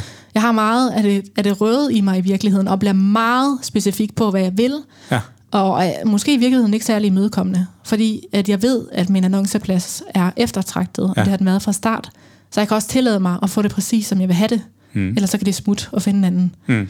Og det, det bliver meget den tone, som jeg kører med, og det igen, altså apropos øh, dramaturgi og lære om at fortælle den gode historie, så er det jo lidt det, jeg sidder og gør, når jeg øh, formidler e-mails ud til potentielle samarbejdspartnere. Det, det er jo virkeligheden, at, at nu skal jeg sælge mig selv. Laver du opsøgende salg? Nej, Nej. Det er jo også en kæmpe privilegeret situation. at ja, i. det er det. Ja. Men øh, øh, hvad, hvad, hvis du skal sådan give lidt af det videre, fordi nu meget af det lyder til af personlighed, ikke? men hvad, hvad skal der til for at være en god influencer? Øh, Hvad er din for mig handler det om, at det du kan tale om, det skal du kunne stå 100% indenfor. Altså det er så nemt at tage nogle små opgaver, om lige tænke, ej, men jeg kan lige få, lige lukke en dato med dem her, og så få lige et, et, altså, nogle penge i kassen. Mm. Og så kommer jeg nok ikke til at arbejde med dem igen. Så på en eller anden måde, så er man nødt til at tænke lidt langsigtet, selvom det er noget, jeg sjældent bryder mig om. Og så tænke lidt, okay, øh, kan jeg få skabt, er det her noget, der giver mening resten af året? Kan mm. jeg få lukket aftaler? Så sige, nej, jeg vil ikke lave en kampagne med dig. Jeg vil gerne lukke en aftale for det næste halve år. Mm. Og så kan jeg til gengæld gå lidt ned i pris Mm. for med, med mit honorar. Men fordi så er der et eller andet, der er noget troværdighed i det. Ja. Øhm, I forhold til dem, der sidder og kigger med. Hvis jeg taler om fem forskellige måltidskasser og øh, fire forskellige lydbogs-apps, og sådan, altså, Ja, der er nødt til ja, at ja. være noget, en, en rød tråd, tråd i det, og det skal hænge sammen med, øhm, med, med min hverdag også, og det er det, der også apropos det her med, at når du laver storytelling, og så lægger du måske sådan nogle øh, små spor ud, som senere giver mening. Det gør du også, når man er influencer. Ja. Det kan være, at jeg sidder og snakker om, at øh, ej, fuck, jeg har lyst til at rejse, og det er ikke påtaget. Jeg har lyst til at rejse. Jeg husker bare at dele det, for jeg ved, at jeg skal lave en kampagne for et rejsebureau en måned senere. Ja. Øh, så på den måde, så bliver der lagt nogle små spor ud, som senere så giver den her payoff. Ah, det sagde hun godt, og hun har altid været vild med det, eller, eller jeg taler om, at jeg vil til at leve sundere, og hov, to måneder senere, så er der en kostvejleder der er på, ikke? Så du er jo strateg et eller andet sted. Ja, det er jeg. Øh, men, men ikke sådan, at jeg bliver nødt til at lyve for at gøre det. For det, det er det, der er så vigtigt, det er, at, at det skal være, fordi jeg oprigtigt har lyst til at lægge min kost om, så kan jeg dele nogle tanker og følelser om det, inden jeg indgår et samarbejde. Ja. Også inden jeg måske ved, der er et. Ja. Men så husker jeg så, den snak, den holder jeg lige fast i og nævner et par gange mere, for nu giver det jo mening i forhold til det samarbejde, der kommer i næste måned. Mm. Men det må da også give en kæmpe tryghed et eller andet sted, at, at, at kunne tænke sig langsigtet i, i forhold til at skulle lave et, et månedligt budget og have sin egen husholdning til mm. at, at strække sig så videre. Jamen, det her, det her, det her, det her, jamen, hvis jeg kan få det til at passe hen over en lang periode, jamen, så har jeg content også, der kan, der kan snakke ind og ud og Ja. stadig være autenticitet, autent, autentisk. ja, ej, det er sådan et svært ord. Men det, det, ja, fordi det skal jo give mening, og det hele skal passe sammen, og derfor kan jeg også bedst lide, at det er de her lange samarbejder, som strækker sig gerne over et halvt år eller et år. Og det skal jo, så, så er du måske tit prøvet det af en gang eller to eller nogle måneder, og så med en, en aftale om, at hvis det går godt, eller hvis du performer over et vis antal af et eller andet, ikke, så, så øh, skriver vi kontr- øh, kontrakt på et halvt år. Mm. Og så ved jeg jo økonomisk også, altså jeg er enig mor, jeg er selvstændig, at jeg, jeg står sikret. Jamen jeg ved, altså allerede nu ved jeg jo, at jeg er booket op resten af året. Ja. Føler du så, at du tilfører deres brand også værdi? Ja, ja, uden tvivl. Det gør jeg, fordi at, altså jeg har jo i hvert fald, jeg har jo en viden om, at jeg er autentisk. Det ved jeg, og det kan kun jeg vide, mm. fordi jeg er mig. Og jeg ved, at jeg er i kontakt med mig selv, og jeg ved, at jeg er autentisk med det, jeg siger. Øhm, og jeg ved, at mine følgere er, er trofaste, og jeg ved, at, at de ved, at jeg er autentisk, i Ja. hvert fald størstedelen af dem. Så på den måde, så giver jeg jo dem en, en masse værdi, ikke, ikke bare i form af salg, men også i form af branding. Mm. Øh, så næste gang de måske øh, støder på den her måltidskasse, eller hvad det nu må være, så ved de, ah, det var det, Alexandra hun snakkede om. Vi snakkede om på vej op i bilen, at det her influencer-job øh, er jo sådan en ret ny jobbeskrivelse. Altså, der har selvfølgelig mm. altid været influenter, men vi har bare fået nogle platforme, der har gjort det sådan lettere at gå til måske, eller det er nemmere at nå ud til et, øh, være sit eget massemedie, kan man sige. Øh, hvor, hvor længe tænker du at fortsætte som den her influencer offentlig person? Og hvad, hvad så bagefter? Altså, er det, er det til pensionen, eller hvad, hvad snakker vi her? Ja, det er et godt spørgsmål. Tak. Det er jo, ja, men velbekomme. Det er jo sådan noget, man tænker over, eller jeg tænker over rigtig tit. Øhm, fordi jeg kan godt mærke det også, det har sin pris at være på, mm. privat på den måde. Øhm, og på en eller anden måde, så kan man jo godt, eller jeg kan i hvert fald godt nogle gange sådan drømme mig hen til et sted, hvor jeg ikke er lige så, lige så privat og lige så meget øh, en skydeskive for øh, alt, alle folks øh, mundlort. Ikke? Øhm, men på samme tid, så kan jeg heller ikke rigtig lade være. Så jeg tænker, at på en eller anden måde, øhm, så kommer jeg til at dele ud af mig. I hvilken grad ved jeg ikke, men kommer jeg til at dele ud af mig og mine tanker, mine følelser og mine holdninger og mine redskaber og inspirere andre, om det bliver på Instagram som medie, eller mm. om det bliver øh, bøger, jeg skal skrive, eller om det er min foredrag, der udvikler sig. Jeg er i gang med at, at lave et nyt nu, og når jeg siger i gang, så er jeg slet ikke startet endnu, men der kommer snart et nyt. Aften før. Ja, præcis. øhm, så jeg, jeg tror, jeg kommer til at være out there på en eller anden måde. Men, men Er det, Måske det, det er drømmejobbet, simpelthen, du sidder i nu? øh, nej, Nå, nu fik jeg også afbrudt dit ja, svar. nej, men, nej, men det er det faktisk ikke. Altså jeg vil sige, jo, altså foredrag og det her med at inspirere folk, ja. Hmm. Men, øh, men, men den her form, hvor at man er så sårbar, øh, det er det, det, det, det, der ikke er drømmen, i Nej, hvert fald. Ikke? ja. Altså hvis man kunne sortere den fra, øh, og det kan man ikke rigtig undgå. Altså, det er uanset om du skriver bøger, eller om du øh, laver film, altså du vil altid, når du står som afsender på noget, ikke? Mm. Øhm, Ja, de produkter af dig selv, ikke? Ja, men jeg kunne i hvert fald godt tænke mig stadigvæk at få lov til at inspirere folk, men på hvilken måde det bliver, og måske, det er ikke fordi, jeg tænker mig at, stoppe med noget som helst nu, men hvis jeg tænker 10 år frem, så, så aner jeg ikke, hvad jeg laver, men det bliver stadigvæk noget, hvor jeg deler ud af mig selv, men hvor måske hvor jeg kan passe på mm, mig selv, altså min, mit indre og øh, mine følelser og min familie og sådan noget lidt mere beskyttet, mm. ikke? Ja. Jeg synes, det er så kampinteressant, fordi du startede med at være dig, der gik ud og fortalte om at være dig. Ja. Og nu er, er du så på vej hen, øh, lyder det til et sted, hvor du holder foredrag og skriver bøger, måske, mm, ikke? Mm. Øh, hvor, hvor den sidste gæst, vi havde, Jan Kjær, han er startet med at tegne og skrive bøger, men han- der har så også været behov for, at han har været til stede på Instagram Ja. og, for, og fortælle om at være sig selv, så den er sådan, det, det er meget sjovt, som det er tovejs. Han har så et andet produkt, men har stadig behov Ja. for at fortælle om, hvem Jan er, øh, hvor, hvor, hvor du går så den modsatte vej, så det, er- det er skide interessant, hvordan det, er... er- det her påvirker vores måde at fortælle historier på. Det er interessant, og det er det, altså uanset hvem man snakker med øh, af folk, hvorfor de er på Instagram, øh, altså hvis vi snakker virksomheder og sådan noget, så, så er folk interesseret i at få den private del med, uanset mm. hvad du sælger. Den slipper man ikke for længere. Nej, Nej. Om du sælger computer, eller om du sælger tøj, eller om du er øh, bankrådgiver, eller hvad fanden det er, du prøver at, at informere andre om, så vil de også have en bid af dig. De vil høre, hvem er du så? Fordi jo mere du investerer i dine følgere, jo mere vil de investere i dig. Så hvis du er ude på at sælge et produkt, øh, som mange virksomheder er på Instagram, så er du nødt til at investere. Jo mere du investerer i dem, jo mere tør de investere i dig. Mm.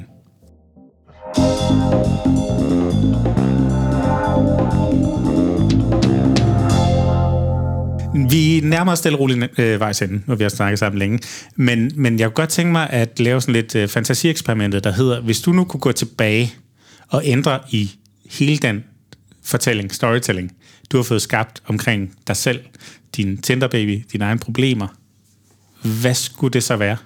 Fordi, som du selv siger, "Ja, Alexander, det er jo hende, der, det er noget med incest og dans, ikke? Mm. Altså, hvis man skal være lidt hårdere, ikke? Ja, Er der noget, du kunne tænke dig at, at, at ændre på?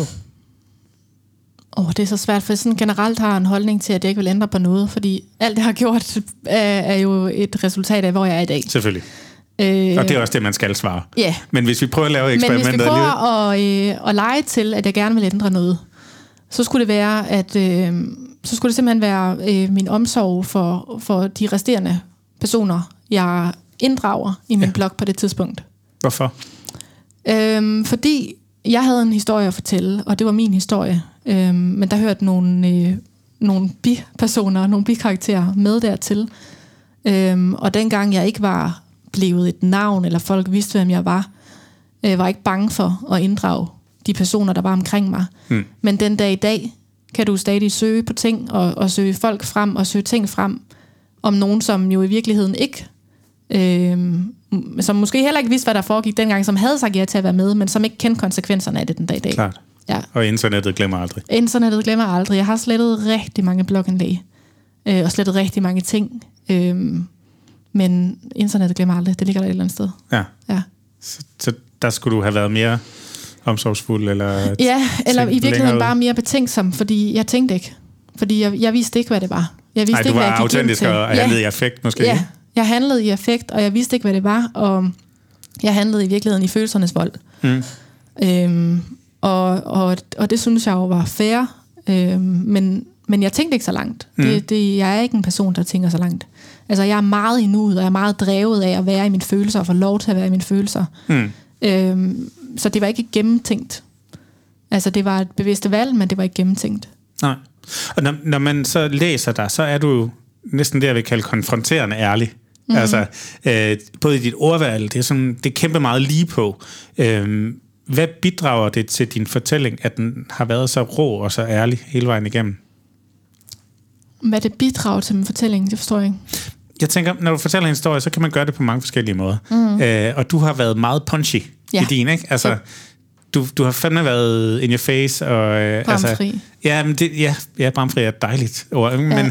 men, men altså det der med, måske kunne du godt have fortalt den samme historie, uden at det skulle have handlet om, om lige så meget pølle og toiletbesøg, mm. eller fiskekrog i, ja. Skamlæberne, eller hvad. Oh, altså, der er Ja. alle mulige, igen de maleriske billeder, ikke? Ja. Øh, hvorfor er det vigtigt for dig at, at, være, på, at fortælle din historie på den måde? Det er vigtigt, for, det, ved, det kan jeg faktisk sagtens svare på, fordi jeg tror, de, de følelser, jeg har siddet med på det tidspunkt, øh, hvor jeg startede med at skrive Mm. mm. så øh, malerisk, og det, det var virkelig øh, mange års øh, frustration over ikke at være blevet mødt i mine følelser, over folk ikke, de kunne ikke sætte sig ind i. Jeg, jeg sagde altid til folk, da jeg havde det svært at sidde fast i offerrollen, at hvis bare du kunne være en dag i mig, så ville du vide, hvor svært jeg havde det. Hmm. Øhm, og det var også det, der kom til udtryk i, i de her mange blogindlæg, når jeg så skulle beskrive noget. Så var jeg nødt til at, at gøre det så overdrevet, og så voldsomt, og så, øh, altså, så makabert, og så, altså, så voldsomt, som jeg overhovedet kunne, for at de virkelig kunne forstå, at det er det her, det er den her følelse, jeg sidder med. De, de skulle råbes op, eller hvad? Ja. ja, og så kunne jeg endelig for første gang i mit liv føle mig mødt, når folk så efterfølgende kommenterede, ja, det er præcis sådan, og amen, og det er det. Så det har i virkeligheden været sådan et, et, et råb om sådan, mød mig nu, hør mig nu, det er det her, jeg sidder i. Ja. Ja. Er det sådan en strategi, du har valgt at tage med dig, eller er det stille og roligt dæmpet af også? Det er altså, dæmpet af. Så det, det er ikke den det, måde, man møder dig ud til dine shows? Jo.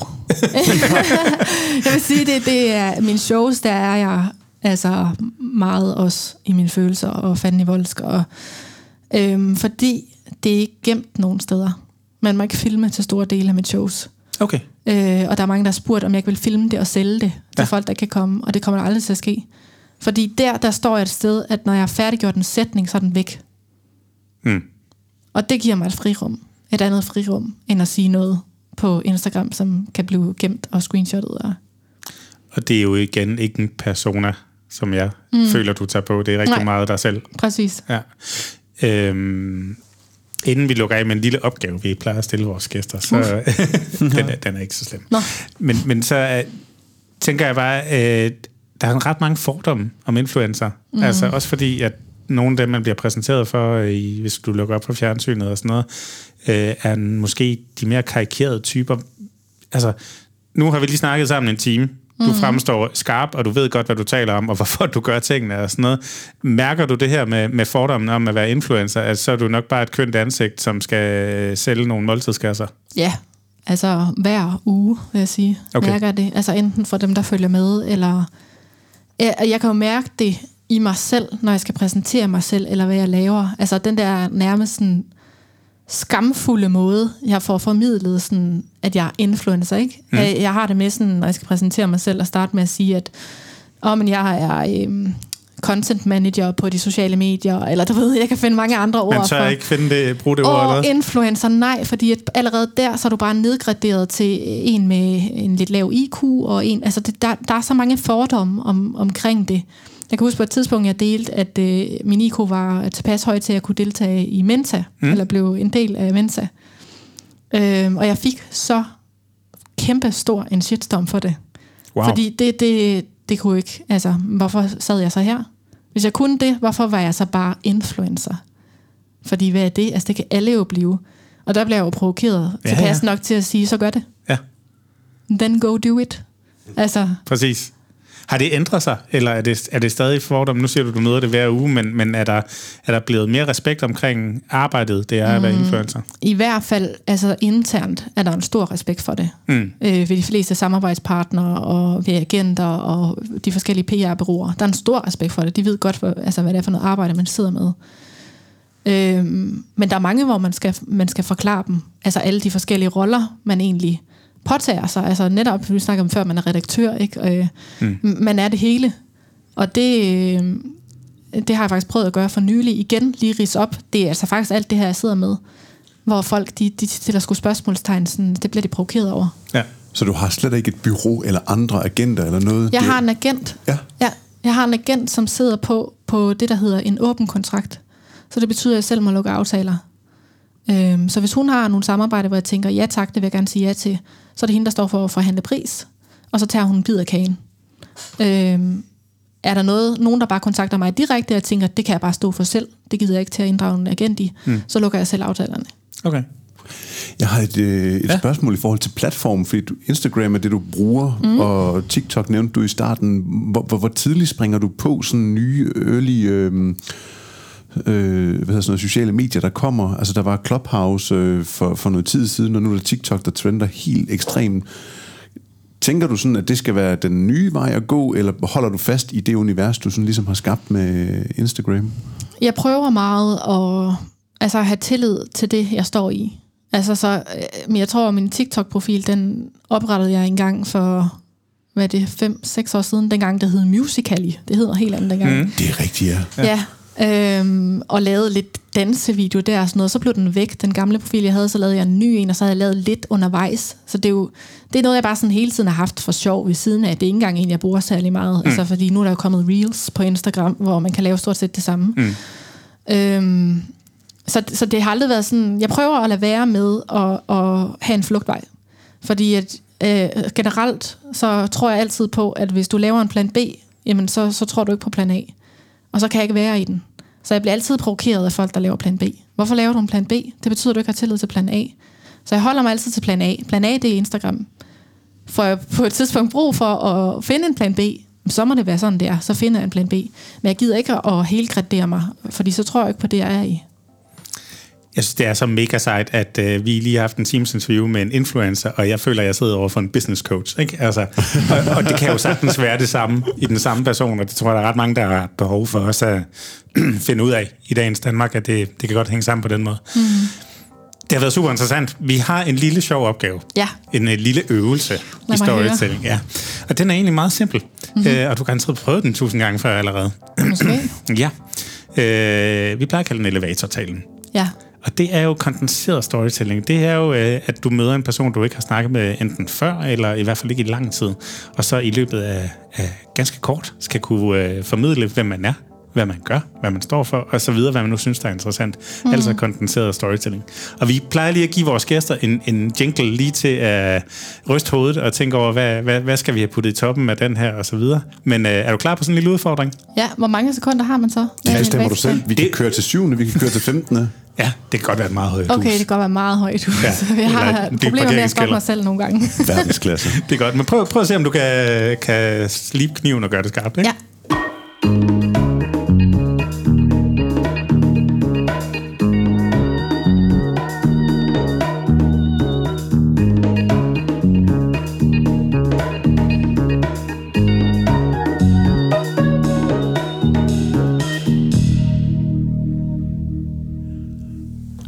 Alexandra. Hej. Velkommen ind i den her elevator her. Vi skal allerhelvedes højt op, har jeg på fornemmelsen, ja. men du bestemmer selv, hvornår vi står af. Ja. Dørene lukker, og vi begynder at køre op af. Hvad er det, du laver, og hvem er det, du er? Jamen, mit navn er Alexandra, og jeg er 31 år gammel, og så er jeg egentlig mor til en lille dreng på 6. Øh, til daglig der lever jeg af at bryde tabuer. Jeg holder foredrag. Øh, jeg deler inspirerende tanker og holdninger, og øh, ja, generelt om, hvordan man rejser sig fra alt det, der er svært at være i. Øh, jeg laver smykker. Jeg øh, er ved at tage mig en mastercoach-uddannelse inden for NLP. Øh, generelt så øh, arbejder jeg på at hjælpe folk med at se, hvordan de kan rykke sig og rejse sig fra alt det, der er svært. Hvor er det stærkt. og masser af storytelling i det. Nej, jeg følte, det er kludret ret meget. Nej, prøv at høre, det er jo det, der er Det var autentisk. Det, det, var autentisk. det var i hvert fald autentisk, men det var ikke stærkt. Det, det var det. det. Smykkedesign må vi lige vende tilbage til i ja, part 2 det var kommet en anden dag. Prøv Alexander, det har været en kæmpe fornøjelse at snakke med dig. Jeg håber, du har følt dig godt tilpas i det. Ja, mm? det har jeg i hvert fald her til sidst. det var godt. Jamen tak for den gang.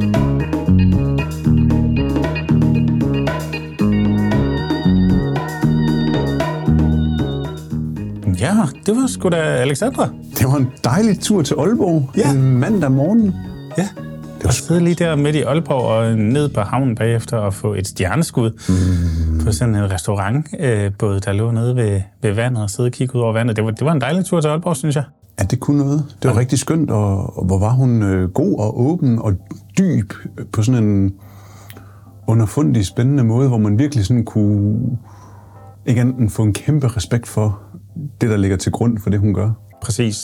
Og, og altså, hvis folk tager én ting med sig fra den snak, så, så tænker jeg, det er at lade være med at dømme alle influencer på, at det er nogle, øh, nogle snot dumme Paradise Hotel-typer, fordi at øh, der er bestemt nogle af dem, der rigtig meget ved, hvad de laver, og har rigtig meget på hjerte også, og så videre. Så, så tag endelig stilling til hver enkelt, når, når du tænker influencer og influencer marketing, fordi sådan en som Alexander, damn, hun ved godt, hvad hun laver. Ja, det må man sige. Og det var jo heller ikke, det var heller ikke derfor, vi tog op for at afkræfte den myte. Det var jo, fordi vi vidste, at der var noget dybt på hjertet, som vi gerne ville have fortalt, og den måde, hun fortæller det på, mm. og bruger storytelling på, er jo det, der var spændende og udgangspunktet i det. Helt sikkert, og de mange platforme, hun udkommer på, som scenekunst og, øh, og som influencer, og jeg skal komme efter dig, ikke? Det, det er meget interessant, hvordan hele dramaturgien og dansen og influencervirksomheden og det hele går op i en højere enhed. Så super spændende snak, synes jeg. Ja. Og som I kan høre, så øh, er lyden lidt anderledes, så det er, fordi vi er kommet hjem i vores øh, studie 2 Ja, i Åby Høj. ja det hemmelige studie 2. Ja, og øh, optager jeg med nogle lidt andre mikrofoner nu her, så det kan I sikkert høre en forskel på, men øh, om ikke andet, så håber vi, at vi går klart og tydeligt igennem. Nej, det skulle vi gerne. Det, skulle- det, skulle det, vi det meget er vores kære lydpedel Dennis, der gerne skulle stå for at få det matchet op, så man ikke kan høre den helt store forskel. Det er jo det. Men øh, vi har også gang i forskellige ting. Gorm, øh, ja, du, kan du fortælle lidt om noget podcast, vi laver? Det er sjovt, du nævner det, Jacob. Ja. Men det var jo et opkald en fredag eftermiddag, øh, hvor at vi blev spurgt, om vi kunne stå klar med et øh, podcaststudie on location ved øh, AGF øh, om tirsdagen. Og det var egentlig ikke fordi opgaven var sådan specielt øh, anderledes, end den plejer at være, men, men det, der gjorde, at, at vi blev kontaktet, det var fordi, at vi jo har en stor teknisk bred viden og, og, og, og kan rigtig meget med, med det, vi gør. Mm. Og udfordringen det var, at der skulle være fem øh, deltagere, en vært, og så øh, to gange to gæster, henholdsvis to fra en sponsor, og så to fra AGF, der skulle øh, deltage i podcasten sammen med verden. Mm. Og det udstyr, de selv havde til rådighed, det, øh, det gav dem ikke mulighed for at have fem kanaler ind i deres øh, mixer. Og øh, jamen, der er det jo bare fedt, at vi har øh, rigtig meget udstyr stående til, til udlejning, to go, mobile studier og alt muligt, som øh, vi, vi kan sætte op på øh, location. Så øh, Dennis han pakkede øh, den helt store lydkuffert og puttede den ind i den lille citrongule bil, og så kørte han ellers ud til... Øh, Nu siger du citrongul. jamen, nå, det lyder bare ikke så godt at sige urengul. Nej, det er rigtigt. Men den er meget gul, Ja. og, og, og den, øh, der kørte han ud, og så fik de ellers lavet øh, tre afsnit Ja. ja. på en lille time, time halvanden, tror jeg. Ja, i alt, ikke? I alt, ja. ja. Øh, og det sidder han så og, og, og klipper op nu, og det er jo en øh, fed måde at gå ind og, og aktivere sine øh, samarbejdspartnere på fra AGF's side. Og, og sådan, nu har jeg ikke lyttet til produktet, men, men sådan set udefra, så kan jeg sagtens forestille mig, hvad man, man aktivt kan gøre, fordi du kan være i lytterne, øh, eller lytterne kan være i, du kan være i deres ører over lang tid, mm. hvor du kan tænke og snakke omkring øh, de forskellige overvejelser, man gør sig som klub, som hold, som træner, som hvorfor man går ind og laver sådan et strategisk samarbejde, hvorfor man vælger at bruge øh, økonomi på det, hvad man tror, man får ud af det, hvad det giver den ene vej, den anden vej. Altså, der er mange abstraktionsniveauer i det. Og så kan du jo så være og blive fastholdt i, i den opmærksomme lytters øh, øh, bevidsthed i, i den tid, det tager måske en 20-25 minutter, hvor at, at, at du bare er helt inde imellem ørerne på dem og, og, og kan snakke direkte til en målgruppe, som jo virkelig har et hjerte. Fordi vi snakker øh, AGF, vi snakker byens hold, vi snakker dedikerede fans, og vi snakker øh, en måde at aktivere et, et, et brand på, som er, synes jeg, at, at det skal man ikke undervurdere. Nej, og det er jo også meget den måde, man bruger partnerskaber på i dag. Ikke? Altså det der med i gamle dage, hvor du bare klistrede et logo på en, en spillertrøje, og så, så var det ligesom det.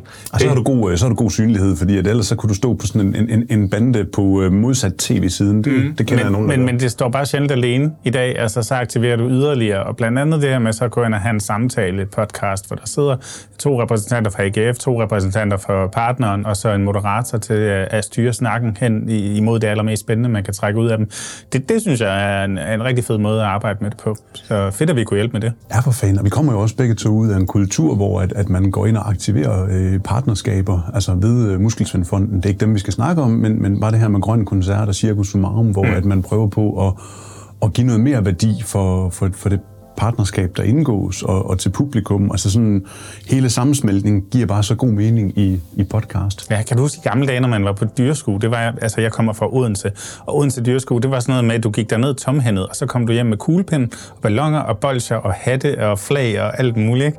Det var ligesom den måde, man, man, man brugte reklame, eller ja, det, jeg tror, det hed reklame dengang, øh, på. Og, og der synes jeg bare, det er så fedt at se, hvor det er bevæget sig hen, hvor, hvor selvom det er marketing, og selvom det er branding, så giver det bare mening på en anden måde, når man for eksempel ja, i, i Circus Sumarum måske laver en skattejagt sammen med en partner, øh, hvor, hvor ungerne bliver aktiveret ude på pladsen osv. Ja.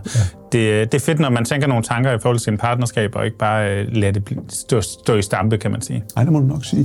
Jeg har lige sådan et, et, et enkelt spørgsmål, Jakob, fordi nu øh, du er den ene af os to, der står med, med hovedtelefoner på. Hvordan, hvordan er lyden herinde? Altså, fordi vi har jo virkelig optimeret det her lydstudie her. Vi har jo sat sådan nogle lydpaneler, akustikpaneler på med forskellige hårdheder, som kan bryde øh, lydbølgerne. Vi har sat sort molton og hvid molton, og vi har sat forskellige overflader ind, og vi har virkelig fyldt rummet godt op med ting, der ligesom skulle øh, bryde den her lineære lydbølge, sådan at, at den bliver reflekteret på en god måde. Ja, og, øh, og det virker også øh, langt hen ad vejen. Jeg synes egentlig, der er ret lækkert lyddødt herinde, men øh, jeg kan se, at vi skal have gjort noget af vores dør, fordi at man kan lytte til forårets komme. Jeg ved ikke, om du kan lytte også kan være med, men der er i hvert fald en meget insisterende fugl, der sidder ude i hækken og insisterer på at være med i podcasten. Og jeg synes, det er lidt hyggeligt, og i sådan en outro her, synes jeg sagtens, det kan fungere.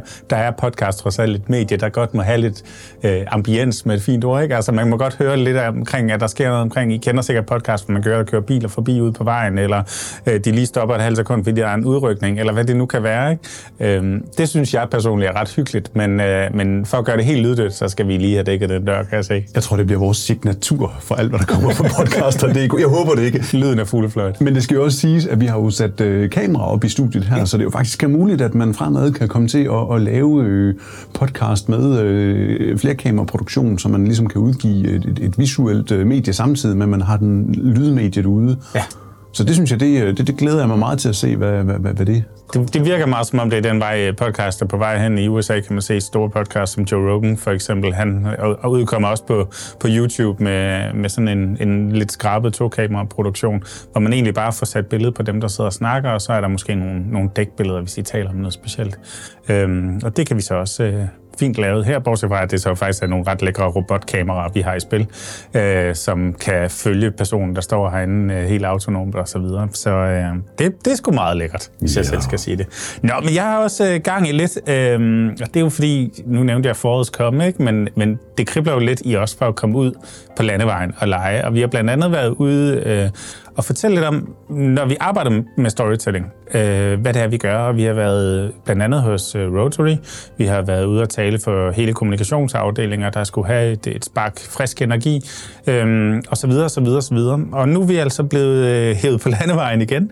Det er undertegnet, der skal ud og, og tale med øh, dem, der hedder DATS. Og nu skal jeg lige se, om jeg har fået den rigtige. Den, det, er, det står for Dansk Amatørteater og Scenekunst, og dækker altså en helt underskov af mindre teater og scener og teaterforeninger osv., øhm, som holder et seminar i Odense i maj måned, og øh, der har de brug for en, der kan komme og fortælle lidt om, hvordan bruger man storytelling aktivt i, øh, i ens markedsføring på sociale medier osv. osv. osv. Og, øh, og det er jo meget nærliggende. Jeg kommer selv ud af teatermiljøet og har selv brugt det sindssygt meget, og også været ude og fortælle rigtig meget om det. Men det bliver spændende at sidde i sådan en brancheorganisation og, øh, og prøve at, øh, at lave en sparring, og jeg tænker også, det bliver meget workshop. Øh, vi har god tid til rådighed, så jeg tænker også, de skal i gang med nogle, nogle søde, dejlige og lidt svære opgaver. Ja da. De her mennesker.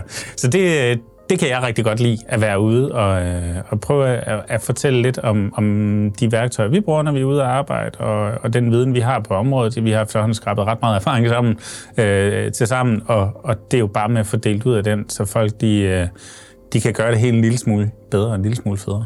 Ja, så man sige, jeg har faktisk taget en bevidsthed med, som Alexandra hun nævner i øh, podcasten, det her med sådan at jeg har ikke selv kunne sætte ord på det, men, men når vi nogle gange har trådt op på øh, scenen, skråstrej, så stillet os op foran forsamlingerne og ligesom skulle øh, tage tilløb til at, at formidle noget, så har jeg altid haft den her knugende sådan uha. Jeg vil ikke sige, at det har været angst, men jeg har alligevel været lidt ængstelig for at, at stille mig op, fordi at det, man jo har af erfaring, er det nu klogt nok? Er det nu godt nok? Er der nogen, som puha, og nu står jeg her, og øh, vil de lytte til det, og får de noget ud af det? Alle de der tanker, som myldrer ud i en, og der synes jeg bare, hun satte øh, så fint ord på, øh, på nogle af de her ting her med, at da vi startede podcasten, der kunne vi jo tydeligt høre, hvor nervøs hun var i stemmen, og, og det øh, runder vi også. Øh, og, og den samme følelse, den kan jeg 100% sætte mig ind i, og jeg, og jeg vil elske også at, og måske at tage med ned og stå på scenen sammen med dig nede i, i Odense, men, men muligvis så har vi en anden opgave. Mm. Men det må vi jo se, hvordan tiden den lige øh, bringer, om jeg skal stå og, og fotografere op i Randers eller filme. Men, Ja. Jeg tror også, det kommer mig til gode, at jeg fra, jeg øh, fra tid til anden er udøvende musiker og er vant til at træde ind på en scene. Øh, jeg kan huske, for lige at vende tilbage til Muskelsvindfonden igen, ikke? Øh, da jeg havde været der ganske kort tid, der blev jeg øh, smidt for løverne, og det vil sige, der er noget, der hedder Krævet i Muskelsvindfonden, som er alle de frivillige, der hjælper på blandt andet Grøn Koncert og Circus Marum og de andre arrangementer, de har gang i.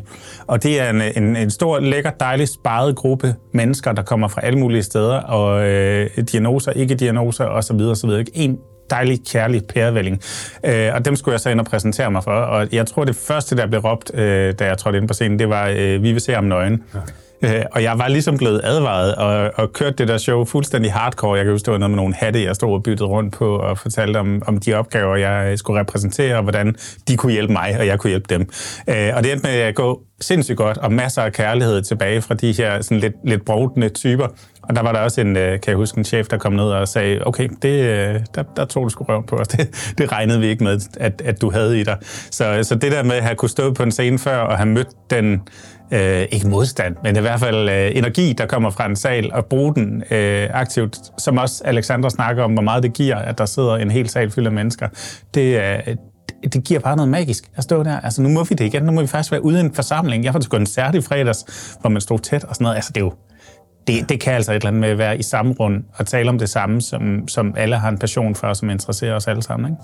Men der kommer lige sådan en hurtig anekdote, for jeg har også stået i næver i sumpen foran kræver i et sølv spandex sæt sammen med et par andre. Og en gang Billeder, imellem så kommer det det billede ikke. frem på Facebook, fordi man bliver tagget i det. Heldigvis var det sammen med indsamlings, øh, hvad hedder det, Thijs Petersen derude fra, og Høstak og sådan nogle forskellige ting. Så det er meget internt det her, men Det det, det bliver meget frivilligt i internt. Næstved, hvor vi stod til sådan en øh, fest om aftenen på øh, skolen. Og selvom jeg har den reference, så gør det mig ikke sådan mindre nervøs, når jeg står op på. Jeg kan høre næste gang, vi skal ud og holde foredrag, der skal du bare have dit sølvspandex på, så tror jeg, det går rigtig fint.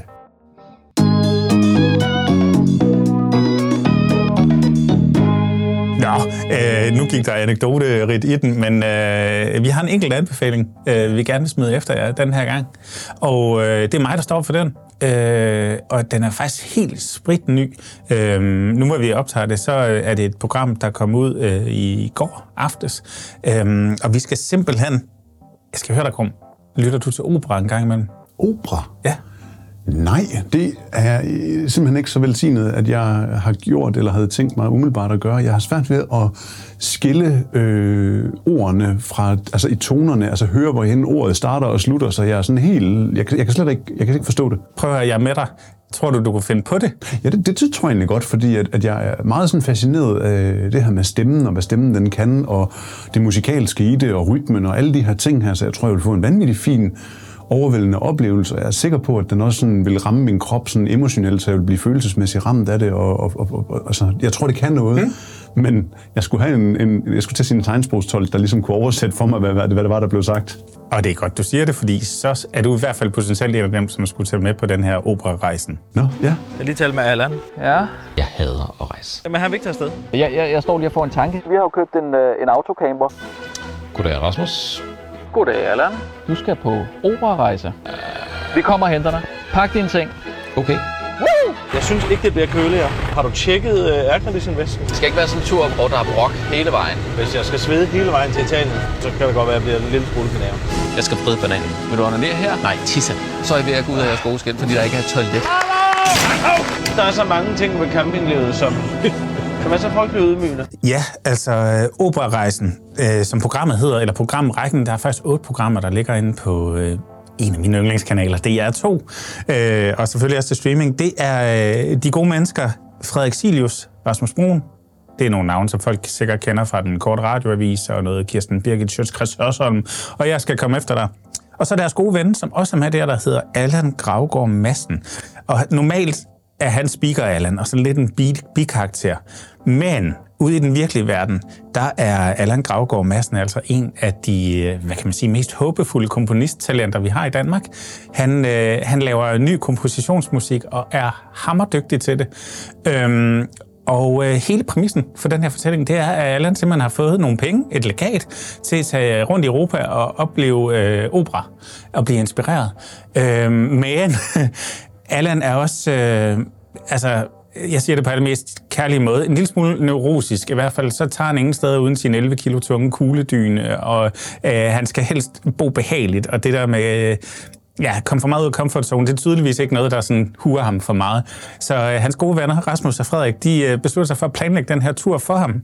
De kører afsted i øh, Rasmus' familie, nyerhvervet, lidt gamle autocamper. Og Frederik Silius er jo øh, af flere blevet kaldt sådan et renaissancemenneske, der bare ved alt om alt. Han kan sætte alt i kontekst. Han ved en masse ting om opera. Han har lige fra han var lille dreng drømt om at komme ud og besøge de store operahuse i Europa og høre Wagner og Puccini og alle dem her. Øh, så han sammensætter et program, så vi, vi tager simpelthen med dem fra København til Milano, øh, med stop undervejs i Salzburg og Pisa og Verona og øh, Bayreuth og Wien og Berlin, og også en afstikker til Aarhus faktisk. Den er jeg så ikke nået til endnu.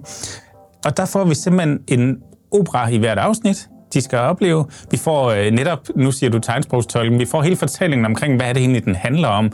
Hvorfor er det, opera i virkeligheden øh, ofte bygger på en dybt banal historie, og hvorfor er det, de skal synge det, de siger, og øh, øh, når man siger Grand Opera, hvor de skal synge fransk og sådan noget, hvorfor er det så sådan, så hele konteksten bliver ridset op for en. Du får også øh, indblik i, ned i ham der, øh, Wagner, Ja, havde han levet et par år senere, så var han sgu nok blevet en del af nazistpartiet. Ikke? Altså, hele, hele baggrunden for, øh, hvordan deres, de her opera er blevet til. Øh, og Rasmus' rolle, den er meget også øh, kulinarisk. Han har besluttet, at han vil lave mad til dem undervejs. Så man kommer også lige ind til den der lækre slagter, der lige har den øh, rette salame og, og forskellige ting. Og så har, har vi det her kulinariske element på rejsen. Det er selvfølgelig et rejseprogram. Det ligger i naturen. Man kommer rundt og ser Verona og Pisa og det skæve tårn, og jeg skal komme efter dig. Og så, øh, en, så har de også noget med, at de lige blander en cocktail en gang, men pling, så kommer der lige en øh, cocktailopskrift op på, på skærmen. Øhm, og i det hele taget, så er man bare i rigtig godt selskab. Jeg har snakket om det før, men, men værtskab er bare alfa og omega, og man har virkelig lyst til at køre med de her tre gutter ned gennem Europa i, øh, i den her autocamper. Øhm, og, øh, og, og det fangede mig bare sådan, at jeg bingede seks afsnit af det i går aftes og kom alt for sent i seng. Øh, og det, øh, det er sjældent, det sker. Men, men det her, det kunne noget. Ah, det er ikke sjældent, at du kommer sent i seng. Nej, det, det er rigtigt. Men, men det der med en, en serie, der er sådan, jeg bliver lige nødt til at se det næste afsnit, fordi hvad nu hvis? Øhm, og så om opera, den havde jeg bare ikke set komme. Jeg tror, jeg har set et par enkelte opera i mit liv. Jeg har faktisk også siddet i Verona og, og set en stor opsætning, øh, fordi der var en svigerfamilie, der hævde mig med derned og øh, lokkede med, der var levende heste på scenen og sådan noget. Ikke? Øh, så jeg har en lille smule, men det er jo ikke... Altså, det er jo bare... Okay, de her mennesker, de, de er sgu meget sjove. Jeg tager, jeg tager med på turen. Øhm, og så, så er der bare et kæmpe stort skud ud til, til det, der hedder A&M Productions. Det er Adam Prise og Meta Follager, øhm, som har det her selskab. Og, og, og måden, det er tænkt på, de har øh, Mette Støvring, hedder hun, deres leder. Øh, altså, måden, de har bygget konceptet op, er bare rigtig godt, fordi at det omfavner værterne, og det gør, at de får lov til at, at vise det allerbedste af det, de kan. Alle tre. Øhm, og, øh, og, og, og du sidder virkelig sådan på, og håber på, at når Allan nu for tredje gang finder det her tomme nodeark frem, at han rent faktisk får sat den første tone på papiret. Øh, han spiller jo ikke instrumenter. Han sidder og tænker det hele ind i hovedet. Men, øh, men at, at, at de kommer hjem med et eller andet værk, eller i hvert fald et eller andet, der kan blive til et værk. Øh, når han sidder og, og siger, okay, den her opera, det eneste, jeg tog med, det var faktisk det var en enkelt akkord. Det var en G7 med en E i bassen. Den tror jeg, jeg kan bruge til et eller andet. Ikke? Så, så vi, vi er helt nede i nørden, men vi er også ude på landevejen, og vi drikker sjus, og vi får god mad og sådan noget. Så kæmpe, kæmpe anbefaling til operarejsen. Jeg, jeg var så godt underholdt, og jeg kan ikke vente med at komme hjem og se de sidste afsnit. Men det er jo fedt, at vi kan tage det med her i podcasten, fordi hold nu op, hvor er det gemt langt, langt, langt væk ude på noget, som de fleste cable cutter, de måske aldrig kommer hen i nærheden af, for det ligger på DR2. Mm. Det er sikkert blevet sendt, eller også så bliver det sendt, og det ligger langt væk, og hvor er det bare fedt, at vi lige kan tage det, fordi jeg har da lyst til at hoppe ind i den der Ja, autocamper og tage med ned og finde ud af, hvorhen den gode slagter ligger. ja. Og så kunne jeg godt tænke mig bare at høre noget opera og forstå opera. Og det, ja, og det bliver forklaret dejligt pædagogisk undervejs, og så hver gang der bliver spillet en lille bid, så kommer der også et dejligt skilt deroppe i højre hjørne, der står, det er fra den her opera, det er den her komponist, der har skrevet det. Så der er alle de referencer, du har brug for til at dykke ned efterfølgende også, og finde musikken igen, hvis der var et eller andet, der resonerede i dig. Øhm, så, så for alle både operaelskere og ikke operavante, så er det bare med at, at gå i gang. Øh, jeg vil gerne garantere, at man på en eller anden måde bliver underholdt, for der er så mange fede elementer, der spiller sammen. Yes. Jamen, øh, det var vel i sagens natur, det vi havde valgt at bringe i det her afsnit. Ja, det tænker jeg, det er. Vi Ja. skal huske at virkelig sige et kæmpe, kæmpe tak til Henrik Palke Møller, som har øh, designet den her lydside, som vi har lyttet til undervejs. Mm. Han gør et kæmpe godt stykke arbejde, og hvis man vil høre mere om ham, så skal man huske at gå tilbage til afsnit 16 i ja. Bløde Værdier, så kan man lige lytte til ham live komponere øh, undervejs. Ja, og hvis man vil vide mere om, hvem vi er, så er vi jo Skæg og Ballade, og vi kan findes inde på skægogballade.dk, og man kan også kigge på podcaster.dk, som er vores øh, podcastafdeling af virksomheden. Og ellers så er vi jo tilbage igen om en tre års tid. Ja, det bliver godt. Jeg øh, glæder mig i hvert fald til at være sådan rigtig, rigtig tilbage. Det er ud godt. med kameraet, ud at arbejde. Yes, foråret er her. Det er dejligt. Vi lyttes ved. Hej. Moin.